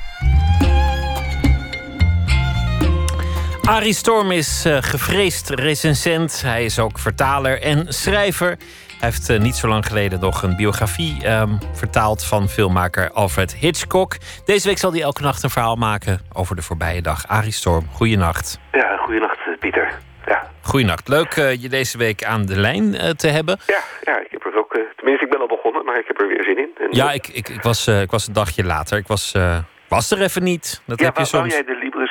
Of hadden jullie dat anders verdeeld? Of, uh, of had dat er niks mee te maken? Of? Nou, het, het, was zo dat ik even naar Stockholm was... om, om daar uh, Douwe Bob uh, toe te oh, ja. juichen. Niet ja. zozeer bij de halve finale, maar de aanloop daar naartoe. En ik had ook niet enorm veel zin in de Libris. Nee, dat, maar dat, dat heb ik hier niet verteld. Dus dat is... Dat weet je niet. Dat is een nee, als je bij gisteren gehoord hebt, dan had ik er ook niet zoveel zin in. Maar goed, het is weer geweest. nou ja, goed. Het schijnt heel leuk te zijn geweest hoor. Maar uh, niet dat ik het Eurovisie Songfestival leuk vond hoor. Want dat vind, vind ik trouwens ook helemaal niks. Ik nee? Oh, nee, ik vind het een enorm circus. Ik gun Douwe het best en het was een mooi optreden. Maar ja. ook, ook, niet aan mij besteed. Ik heb, ik heb het niet gezien. Gaat hij gaat hij ook winnen of uh, kan je dat helemaal niet uh, inschatten? Of, Dat weet ik toch niet. Nou, nee, dat, weet je, dat, dat soort dingen weet ik toch niet joh. Oh, nee, dat, ik, ik geen niet, idee. Ja. En wat maakt het ook uit? Muziek is toch geen wedstrijd? bij dit soort muziek lijkt me dat dat het enige is wat nog overblijft. Of, nou ja, goed. Ja, nou ja, ja. goed. Verder was het uh, ja, was ook een dag in het nieuws. Wat, uh, wat heb jij als thema uitgekozen voor je verhaal? Nou, bij ons thuis staat alles in het teken van het eindexamen van mijn uh, dochter. Heb jij, eind, ja, jij hebt eindexamen gedaan. Ja. ja. En hoe? heb je er een fijne herinnering aan? Of? Nee, natuurlijk niet. Oh, nee, ja. Waarom eigenlijk niet? Heb je het, heb je het niet gehaald? Nee, ik heb het wel gehaald. Nee, dat, dat vond ik leuk om een diploma te krijgen. Maar om, om dan in zo'n hokje te zitten... en dan ja. over literatuur te moeten praten met een examinator... die alleen de samenvatting heeft gelezen... dat vond ik heel frustrerend. Oh, waar was dat? In welke... Staatsexamen heb ik gedaan in ja, Den Haag. Ja, oh. Oh, en, dan, en dan, dan, had je zo'n man en die had dan de Prisma uittrekselgids... van ieder denkbaar boek gelezen. En die, en die ging dan jou overhoren terwijl jij echt het boek had gelezen. Ja, nou, nou, nou ik ga er ook iets over zeggen. Goed, ga Want, je uh, we, we, we- ik verheug me er alvast op. Ehm, nou, ik ga het nu voorlezen. Ehm, donderdag, overmorgen, staat bij het VWO het examenonderdeel tekstanalyse Nederlands op het programma. Het is, als ik het goed heb begrepen, het eerste onderdeel en stelde taalkundige Rick Smits afgelopen maandag in NRC Handelsblad. Het is ook het meest omstreden examenonderdeel. Hij legt dat overtuigend uit. Ik wil echter nog een stap verder gaan. Het meeste van wat wij op school en later op de universiteit hebben geleerd over schrijven en lezen... en wat onze kinderen daar nog steeds leren... is niet alleen verkeerd, maar ook schadelijk. Op school en op de universiteit leren ze je clichés en betekenisloze frases aan. Het is waar dat die je op een bepaalde manier misschien volwassen doen klinken. Misschien zelfs als iemand met gezag, zoals hoogleraren en journalisten en deskundigen klinken. Maar hoe goed schrijven die? En lees je ze graag?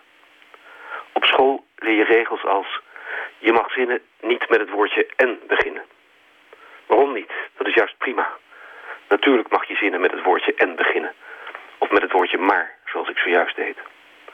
Op school leer je werken met samenvattingen en concepten en schema's en overgangen en kernzinnen en argumenten. Maar goed schrijven heeft daar niets mee te maken. Goed schrijven werkt met suggestie. In het proza dat ons dagelijks omringt zit zelden suggestie. Juridische, wetenschappelijke, journalistieke en academische teksten zijn bijna nooit suggestief. Niemand leert op school suggestief te schrijven. En dus leer je ook geen gebruik te maken van een van de belangrijkste wapens van een echte schrijver.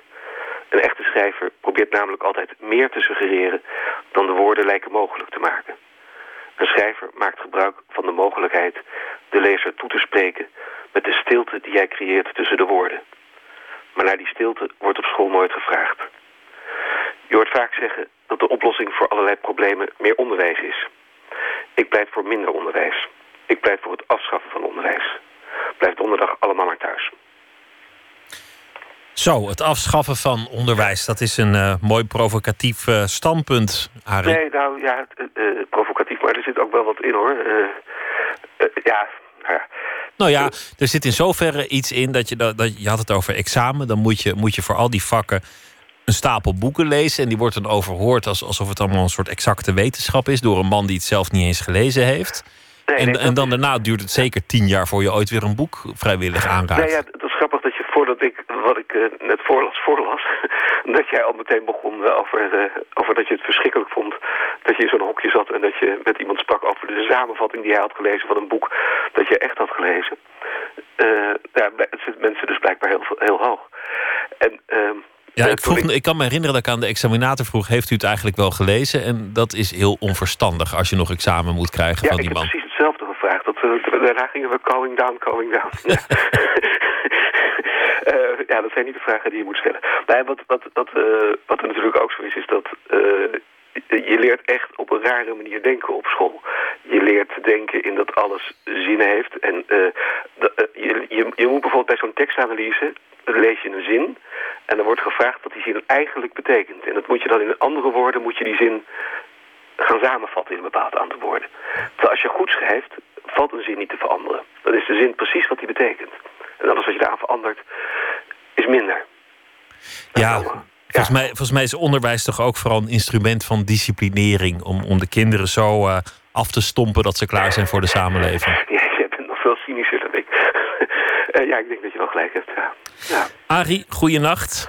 En weer graag tot morgen. We gaan morgen weer vrolijk verder. Wordt heel, wordt heel leuk. Heel opgewekt. Goeienacht. Portland, Oregon, daar woont een jonge muzikant, Kyle Craft, die een album wilde maken. Dat klonk als het donkere hoekje van een groezelige bar. En eh, dat is redelijk gelukt. We gaan luisteren naar Balmoria.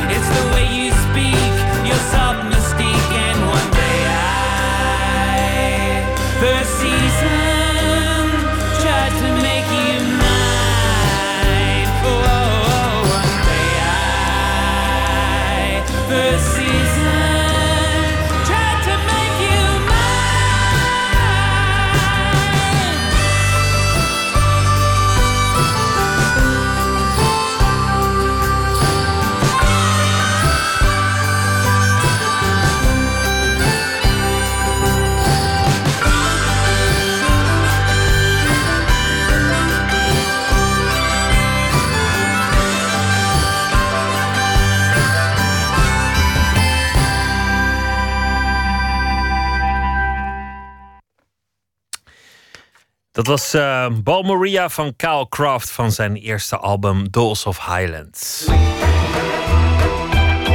Nooit meer slapen. We horen veel verhalen over jonge vrouwen die ontvoerd zijn door IS en als seksslavin worden vastgehouden. De stem van die vrouwen zelf hoor je zelden of uit de tweede hand via een journalist die het is gelukt om enkele van hen te spreken te krijgen.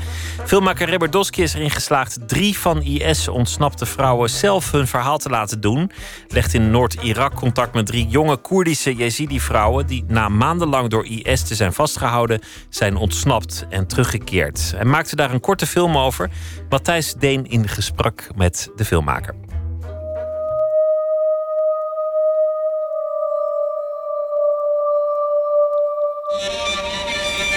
Kijk, ehm, ik wilde eigenlijk even in geluid, als wij in een kelder zijn, dat het eigenlijk um, verkrachting geluiden horen.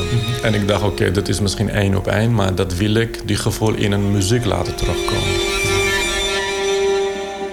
Ik denk dat het muziek is sowieso dat is het beste element om op de emotie te spelen. En ik vind zelf deze is heel goed gelukt. Uh, muziek zelf is heel erg pijnlijk.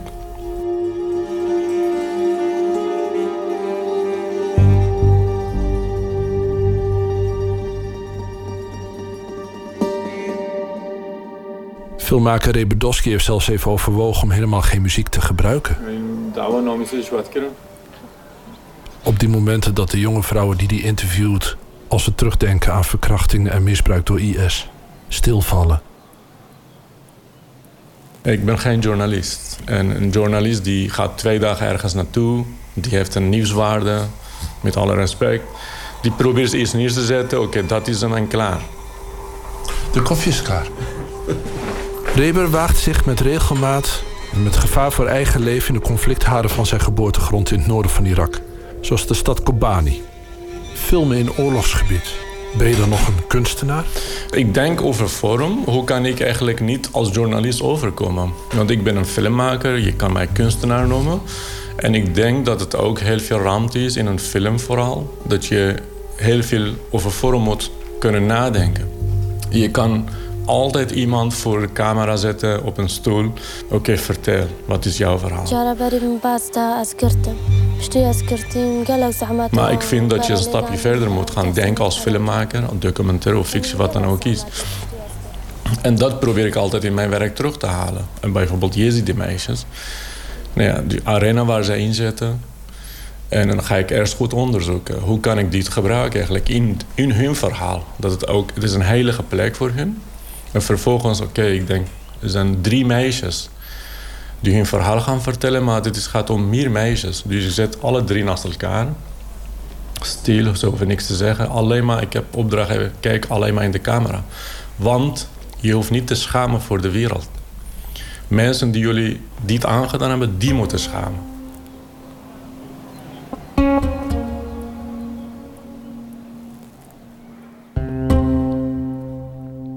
En dan proberen ze in ieder geval in de camera te kijken, heel lang. En uh, ze, ze, houden natuurlijk niet vol.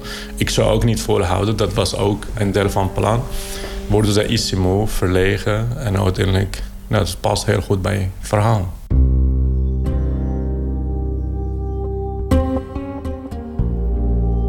Je laat dus ook op het moment dat ze geen antwoord kunnen geven, dat laat je dus ook zien. Bijna pijnlijk lang. Het is pijnlijk en dat is meer zeggen dan, uh, dan iets te eigenlijk uitroepen. Uitgesproken woede vind ik niet geen goed woede. Dus stel je voor dat ze daar zegt en huilen En dan tranen laten vind ik gewoon, ja, dat, dat heb ik al gezien. Maar nu kan ik zelf invullen. Twee oogjes van haar even naar links en naar rechts. En die mond die, die even slikt. Dat is voldoende voor mij.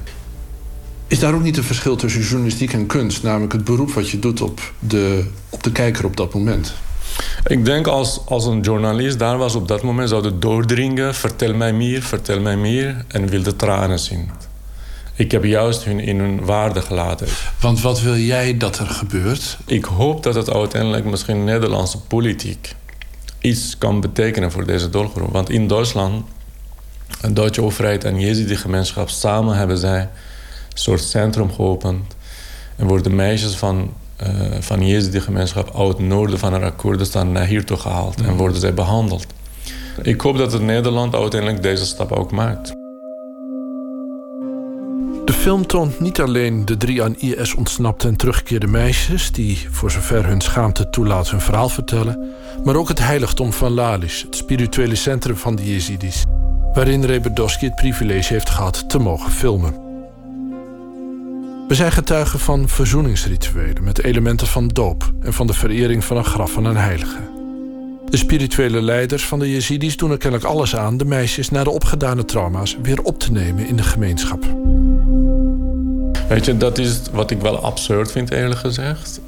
Deze meisjes ehm, tijdens hun gevangenschap bij IS, ze moesten niet aan hun denken, maar aan hun geloof. Ja. Als ik straks trouw ben, word ik geaccepteerd of niet. Dit is een heel gesloten gemeenschap. En daardoor proberen zij ook zo'n beetje gemeenschap beschermen. En als eenmaal met een islamiet heb je seksueel contact gehad of ben je bekeerd, gedwongen, hoe dan ook, tot islam. Voor hun is meteen automatisch, oh god, kan ik nu straks weer terug naar mijn gemeenschap. Dus eenmaal gevlucht gaan ze meteen naar die geestelijke leider. Ja. Word ik geaccepteerd of niet? Dat vind ik absurd. Maar dat is eenmaal zo. Ze geloven ergens in. En, dan, en wat die geestelijke leider uiteindelijk met de hele gemeenschap bepaald heeft... oké, dit is geen één geval. Het gaat om meer gevallen. Een vrouw betekent nieuwe toekomst, kinderen en vervolgens nieuwe generatie. Dus we moeten iets anders gaan bedenken. Nood breekt wet. Ja, nee, precies. En dan hebben ze echt gezegd, oké, alle meisjes die terugkomen, die zijn nog steeds één deel van onze gemeenschap. En wij moeten alles aan doen om, om deze meisjes weer uh, op te vangen. Dus ze komen terug, ze worden geaccepteerd en zijn opgelucht.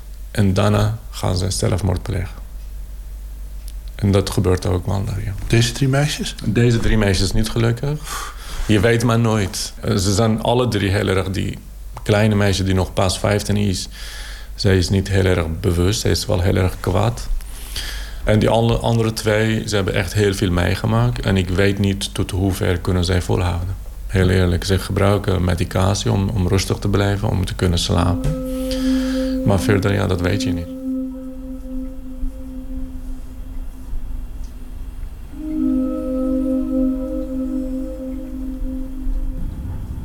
Wat ook opvalt, is Doski's gevoel voor natuur, de omgeving waarin de mensen leven, het grotere decor waarin ze hun lotgevallen ondergaan. In zijn film De Lokroep, over het verhaal van een uit de stad teruggekeerde dorpsbewoner, is die aanwezigheid van de natuur ook overal zo sterk voelbaar. Ik kijk heel vaak naar Discovery. Ik ben zelf weg van natuur en ik leer heel veel van dieren. Ja, uiteindelijk, eh, wij moeten als mensen ons niet onderscheiden van dieren. Wij zijn ook een, een van de dieren. Mm. Wij leven ook op de aarde. Ik vind het fascinerend hoe mensen en natuur in elkaar kan gaan. En dan met elkaar, hoe noem je? Uh, ja, in elkaar opgaan, met elkaar samenleven. Precies.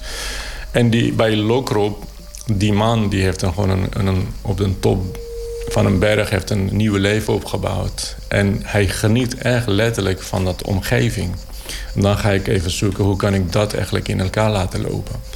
En hier, ik hoef niet heel veel eigenlijk voor te doen. Want Lales, en die geloof zelf, is ook, gaat heel erg mee met de natuur. Ze hebben heel veel respect voor natuur. Bijvoorbeeld, ze eten één keer of juist niet, geen vlees. En wat ze nodig hebben, gebruiken zij van. Verder laten ze alles met rust. En dat is een mooi element, vind ik.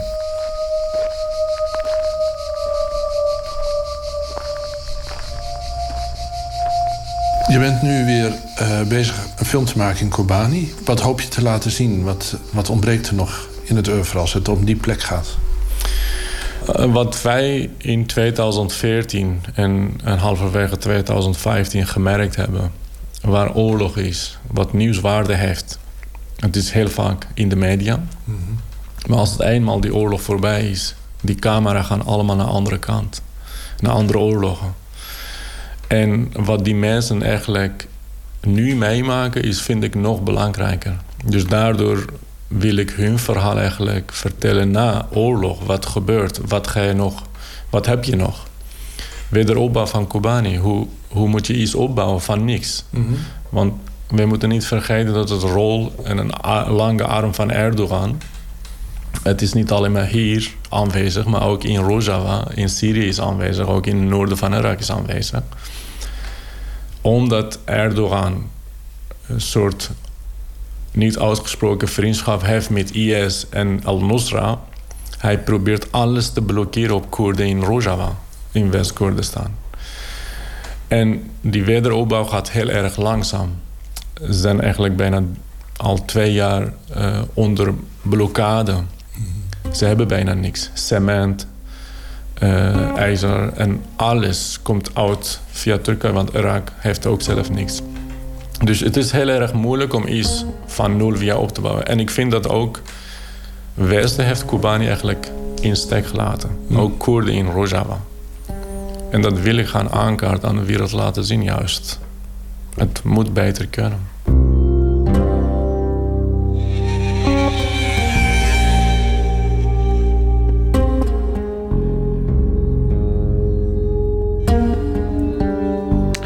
Reberdowski over zijn film Jezidi Vrouwen, die op mindshakes.com te zien is. De filmmuziek waar hij over vertelde is gemaakt door Renger Koning.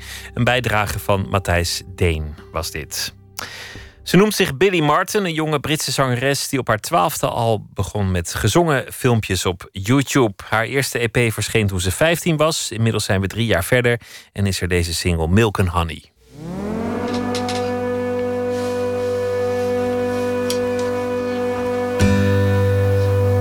Honey, dreaming in the dark. Trouble seems so far.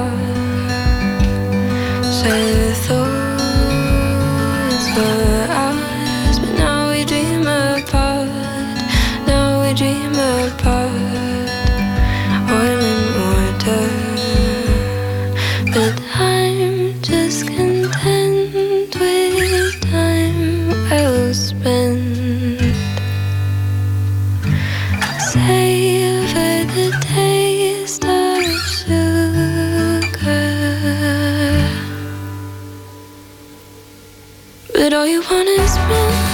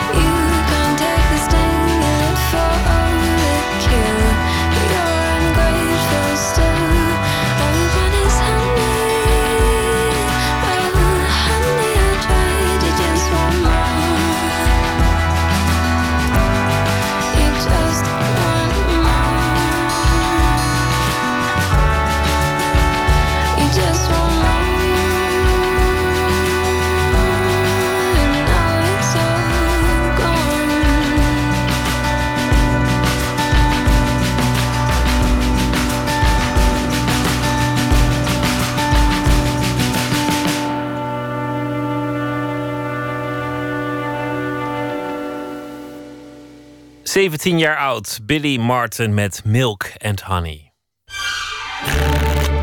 Open kaart.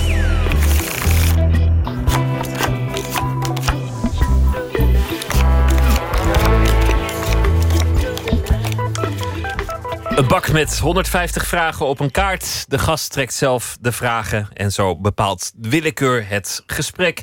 Jet van Nieuwkerk is eh, te gast. Zij heeft een eh, boek geschreven voor recepten en andere gezondheidsadviezen. Het boek van Jet heet het. Ze houdt van gezond leven en goed eten. Daar schrijft ze over in dit boek, maar ook op andere plekken. Bijvoorbeeld het Parool en eh, nog meer locaties. En zij is geboren in 1989. Jet van Nieuwkerk, hartelijk welkom. Dankjewel. Dank je. Wanneer is dat begonnen eigenlijk, dat, dat, uh, dat, dat gezonde leven? Wanneer werd dat jouw thema, ook beroepshalve? Um, bijna mijn hele leven. Ik hou al zolang ik ken, of zolang ik kan herinneren van gezond eten. Mijn moeder kookt heel erg gezond. Uh, vroeger thuis. En die vindt het ook belangrijk en heeft er veel plezier in en veel liefde voor het koken. Dat heb ik erg van haar uh, geleerd. En um, ik, ben, ik heb de hotelschool gedaan ben ik uh, op mijn 16 heen gegaan. Dat wist ik al meteen, dat ik in de horeca wilde werken en met eten wilde werken. Toen heb ik heel lang in de bediening gewerkt. En uh, daarna in de keuken. Dus altijd, en toen ben ik gaan schrijven over eten. Dus ik heb altijd, uh, ik ben altijd geïnteresseerd geweest in eten. Maar horeca, het komt vooral door mijn moeder. Horeca en gezond leven gaan niet altijd samen. Mensen die in de horeca werken hebben traditioneel, maar dan heb ik het over de, ja. de ouderwetse horeca van wel eer. Ja de reputatie, een beetje een cliché om laat te werken, ja. nog een borrel te nemen, niet gezond te eten, uh, geen tijd te hebben om te sporten. Bij jou ging dat net anders. Je werkte in de horeca, maar het werd wel allemaal healthy. Nou, um, wat je beschrijft, dat klopt enorm en dat is nog steeds zo. En toen ik in de horeca werkte in Amsterdam, uh, dat heb ik zes jaar lang gedaan. Daar ben ik vooral ook mee gestopt op een gegeven moment. Omdat ik gek werd van dat ik altijd maar om vier uur s'nachts in mijn bed lag. En om twee uur smiddags eruit uh, kwam. Uh, en dat zes dagen in de week. En dat hield ik op een gegeven moment niet meer vol na een aantal jaar. Dus toen dacht ik, ik kap ermee. En ik ga over eten schrijven. En uh, overdag werken. En dat is veel gezonder ook voor je lichaam, inderdaad. Dat heeft me goed gedaan. Het is een mooi boek geworden. Het is een verleidelijk boek. Er staan uh, recepten in die er lekker uitzien. En vooral, het is niet zo'n uh, zo'n dogmatisch boek. Ik vind, ik vind ja. vaak die fitnessboeken of die gezond leven boeken zo kerkelijk. Ja. Alsof het een soort bijbel is en, en het allemaal moet. Ja. Zo, nee, zo streng. Uh, nee, niks moet inderdaad. En het is, ik had zin in een boek waar vooral de lat niet hoog wordt gelegd waar ik in uh, de balans leer. En dat je heus ook uh, eens een kater mag hebben. Maar dan geef ik je tips hoe je er overheen komt.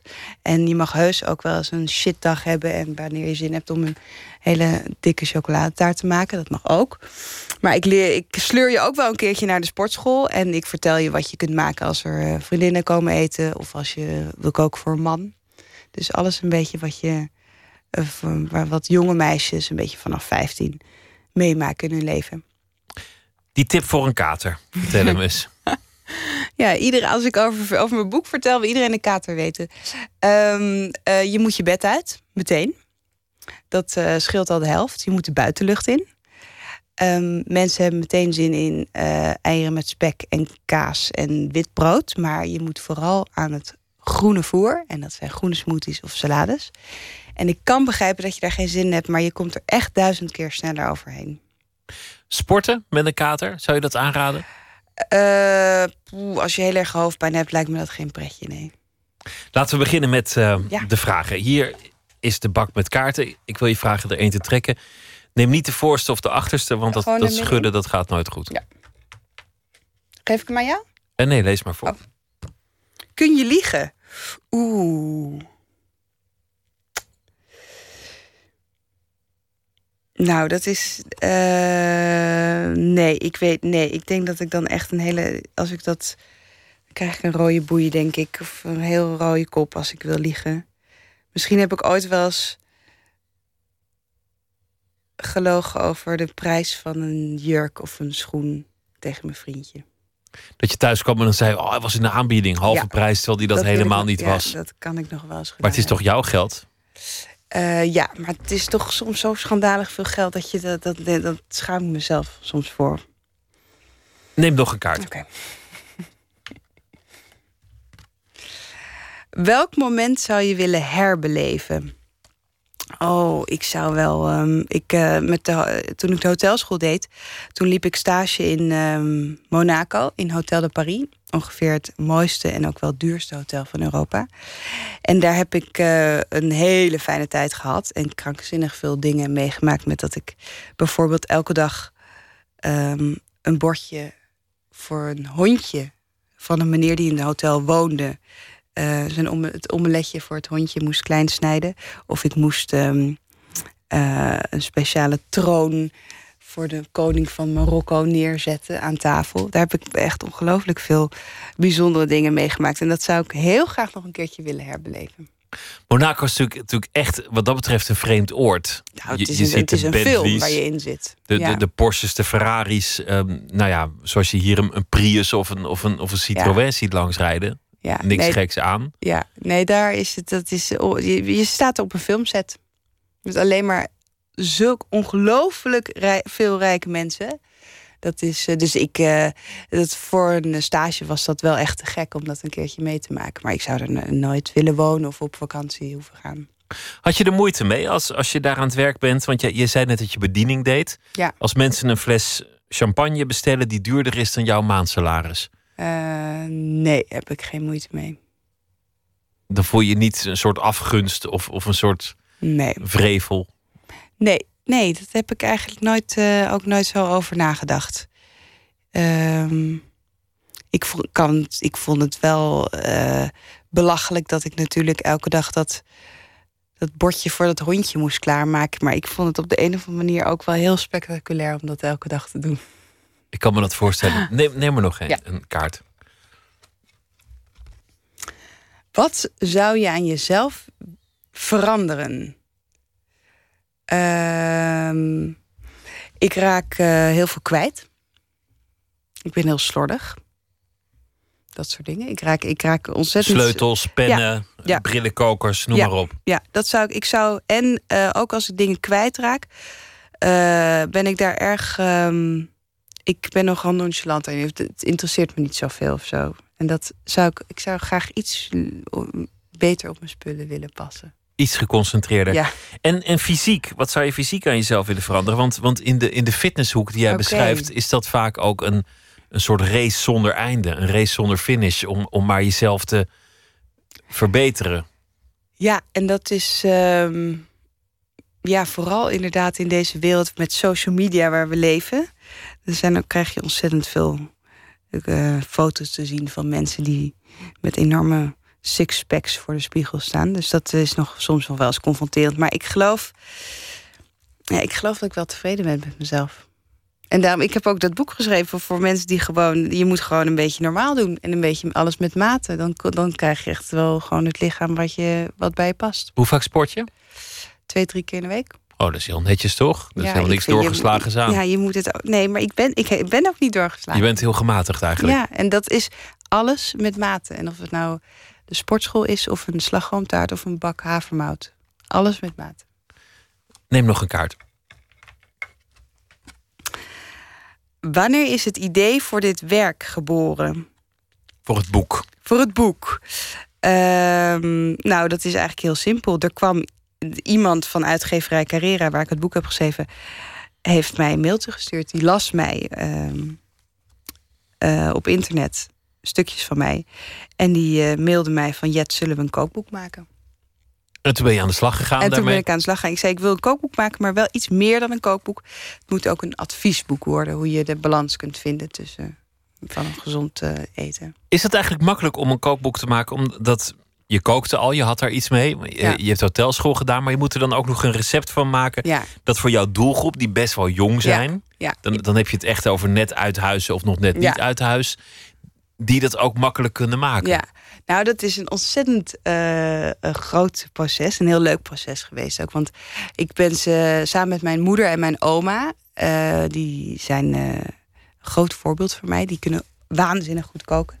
En daarmee eh, hebben we... mm, Ik ben in het, eh, in het oosten van het land, waar mijn ouders wonen... hebben een hele fijne boerderij met een grote keuken. zijn wij, eh, hebben we recepten bedacht en veel gekookt. En ook veel is mislukt, maar veel geproefd. En je moet precies opschrijven hoeveel, eh, hoeveel ergens in zit. En, nog een keer maken en nog een keer maken en proeven. Dus dat is, maar dat, ik denk dat dat vond ik het leukste van het, om het hele, van het hele boek.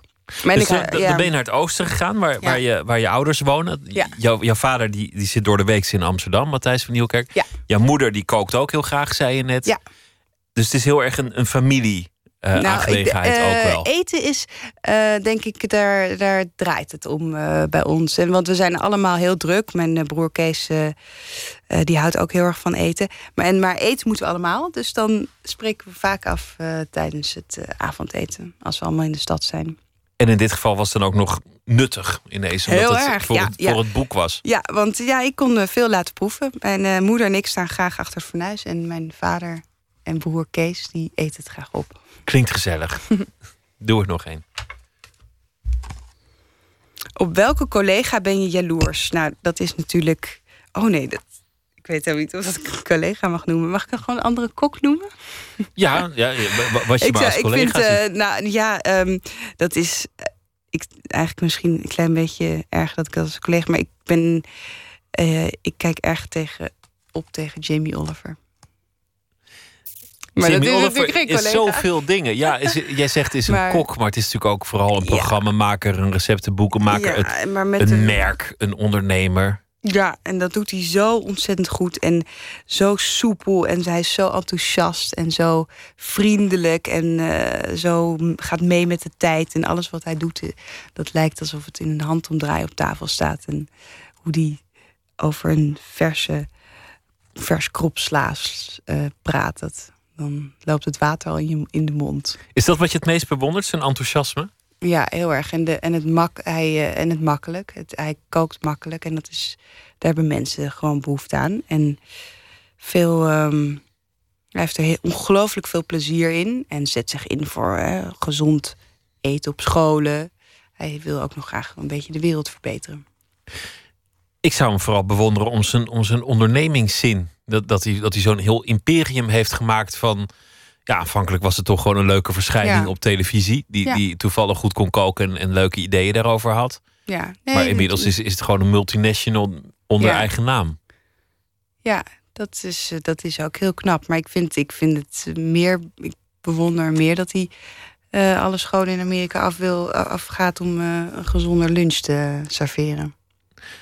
Hoe zou je dat zelf voor je zien? Want, jij schrijft, Ja. eh, je doet ook andere dingen. Hoe, hoe zou je je eigen toekomst in die zin nou, zien? ik zou. eh, ehm, ik heb het boek ook geschreven, voor, eh, ook voor kritische meisjes, die, de, eh, die, die best ehm, het moeilijk vinden om de balans te vinden. En die inderdaad allemaal worden, ge, ehm, dat al, worden beïnvloed door alle social media en de fit girls en alle sixpacks die ze elke dagelijks zien.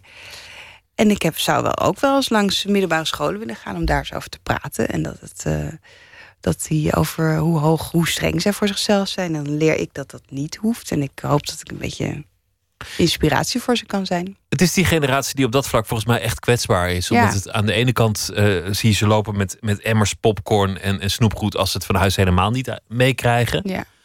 Of, of het schiet soms door naar Ja. Een totaal fitnessdieet waarvan je denkt, nou ja, kom, het mag ook wel eens leuk ja, zijn. Het schiet heel veel door. En dat zie ik en dat, eh, dat raakt me. En ik, eh, en ik heb het idee dat ik eh, weet hoe je die balans kunt vinden. Dus dan hoop ik dat over te kunnen brengen. Het boek van Jet heet het. Jet van Nieuwkerk, dankjewel. Veel succes. Dankjewel dat ik hier mag zijn. Hij maakt eh, platen op eh, het Blue Note label. En dat is eh, de thuisbasis van grote legendes in de jazz. En hij is zelf ook op weg om een legende te worden. Wordt gezegd, Gregory Porter heb ik het over. Zijn nieuwe album is er. Heet Take Me to the Alley, waarvan we draaien Consequence of Love.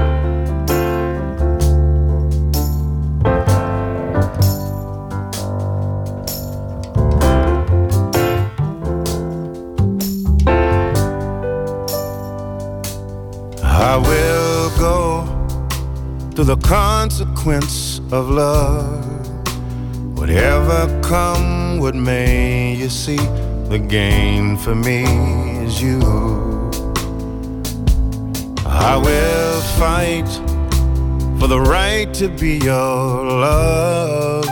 No matter what they say, you see, the gain for me is you. I begin to hate time and distance, cause it makes me wait. It's all I seem to do. I will go to the consequence of love. Whatever come what may, you see, the gain for me is you. And I will fight for the right to be your love. No matter what they say, you see, the gain for me is you.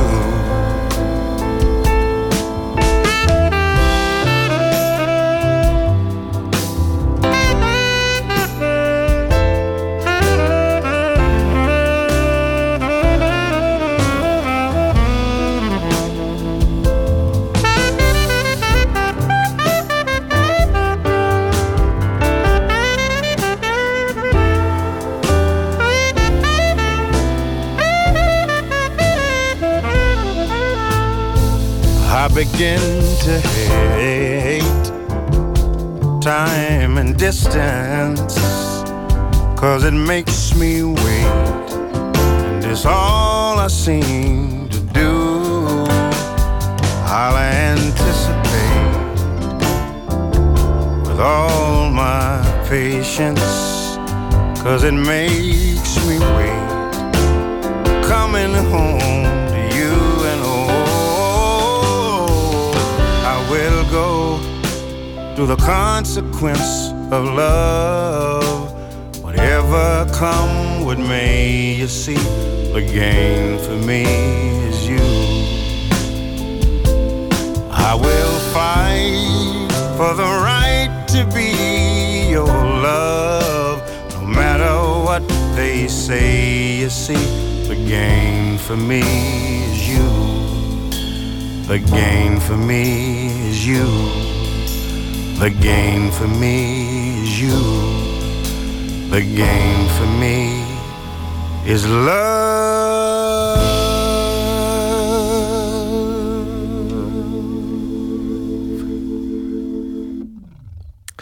Zijn grote inspiratiebronnen zijn Stevie Wonder, Donny Hathaway, Marvin Gaye en Bill Withers. Consequence of Love van zijn nieuwe album. En deze zomer zal hij optreden op het North Sea Jazz Festival. En in november nog een keer in Amsterdam in eh, de Heineken Bierhal.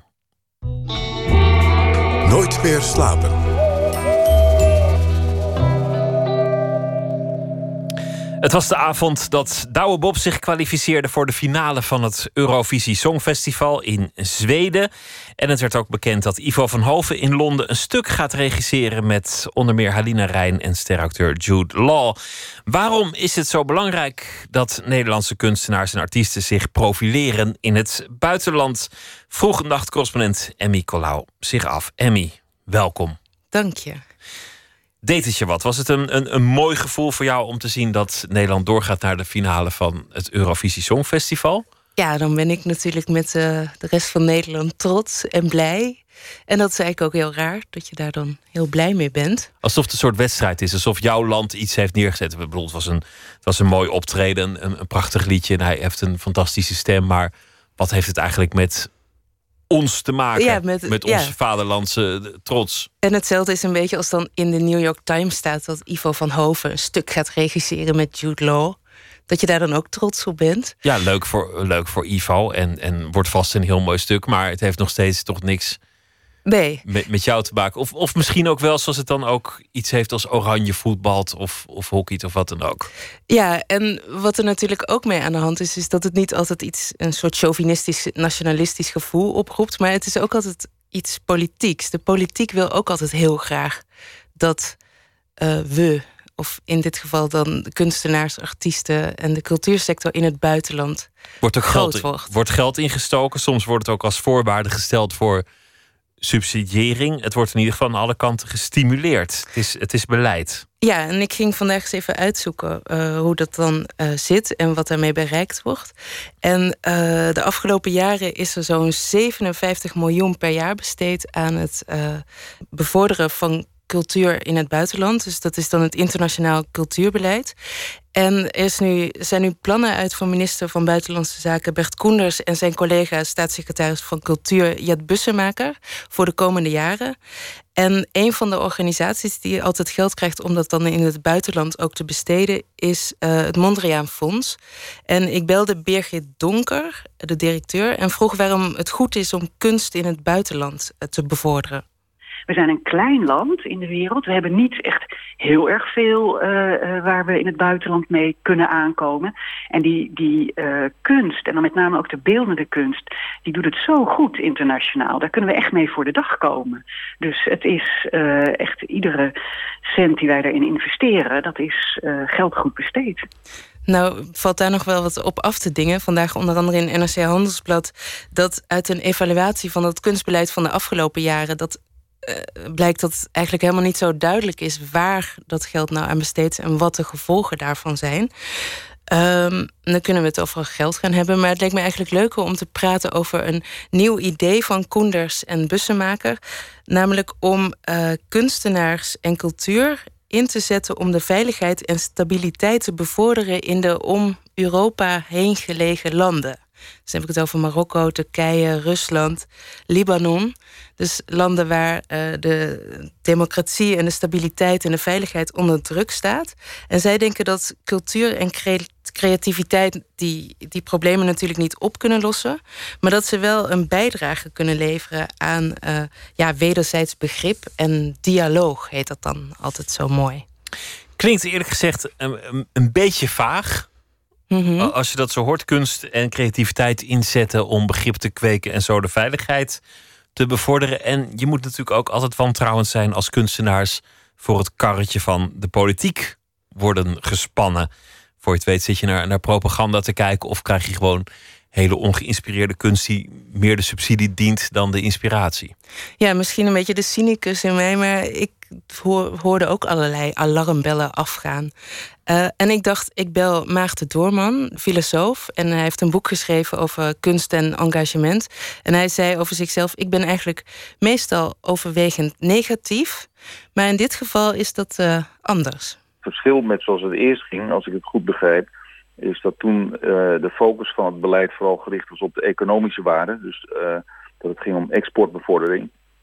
Terwijl nu er echt afstand van wordt genomen uh, van het standpunt dat het bij internationaal cultuurbeleid alleen nog maar gaat om economische waarde van kunst en cultuur. Nou, dat lijkt me een enorme stap vooruit.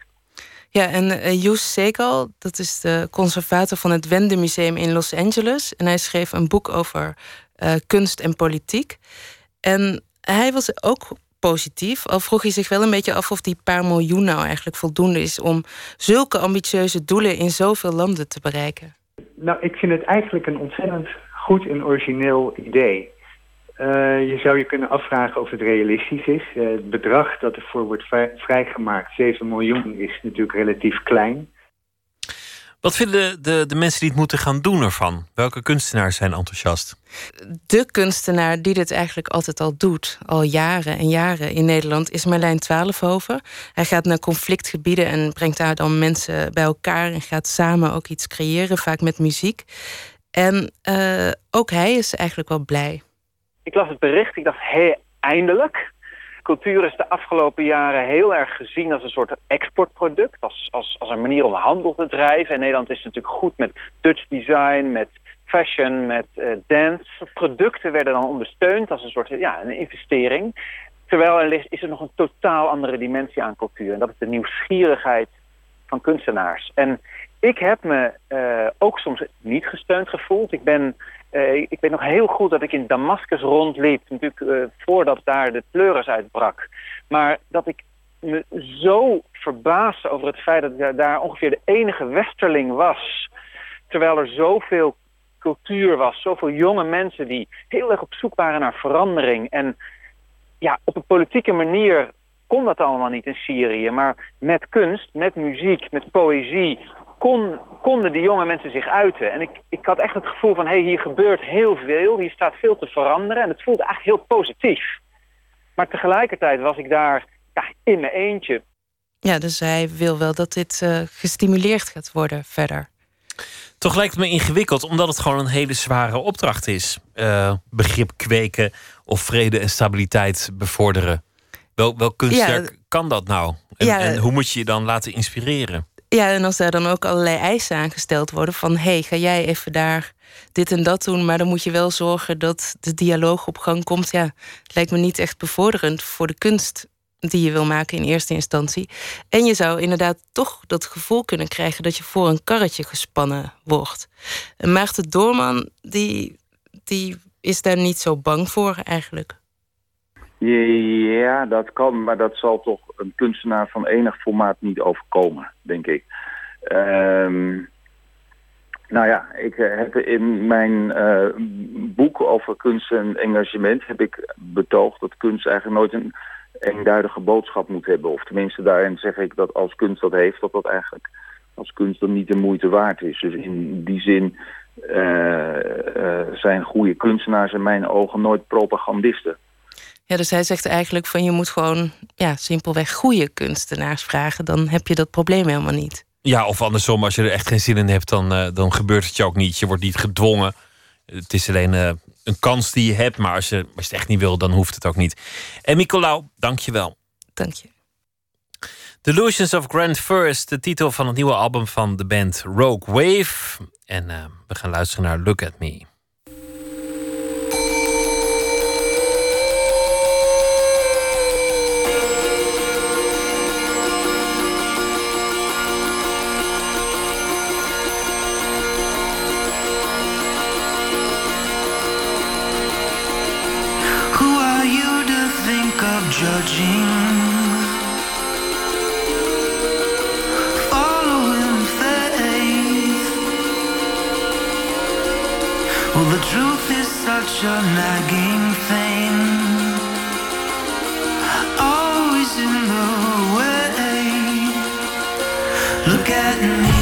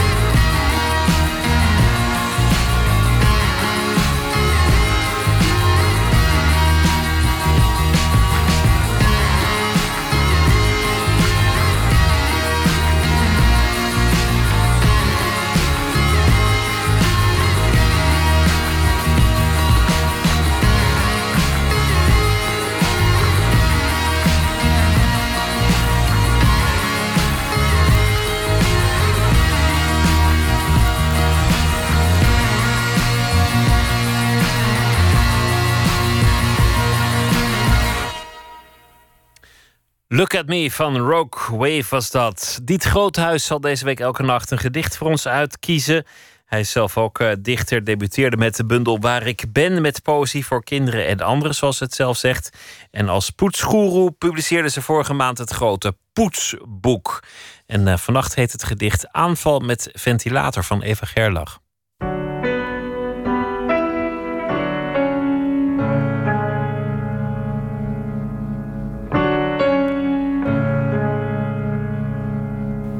In Eva Gerlachs gedichten worden onze diepste angsten concreet.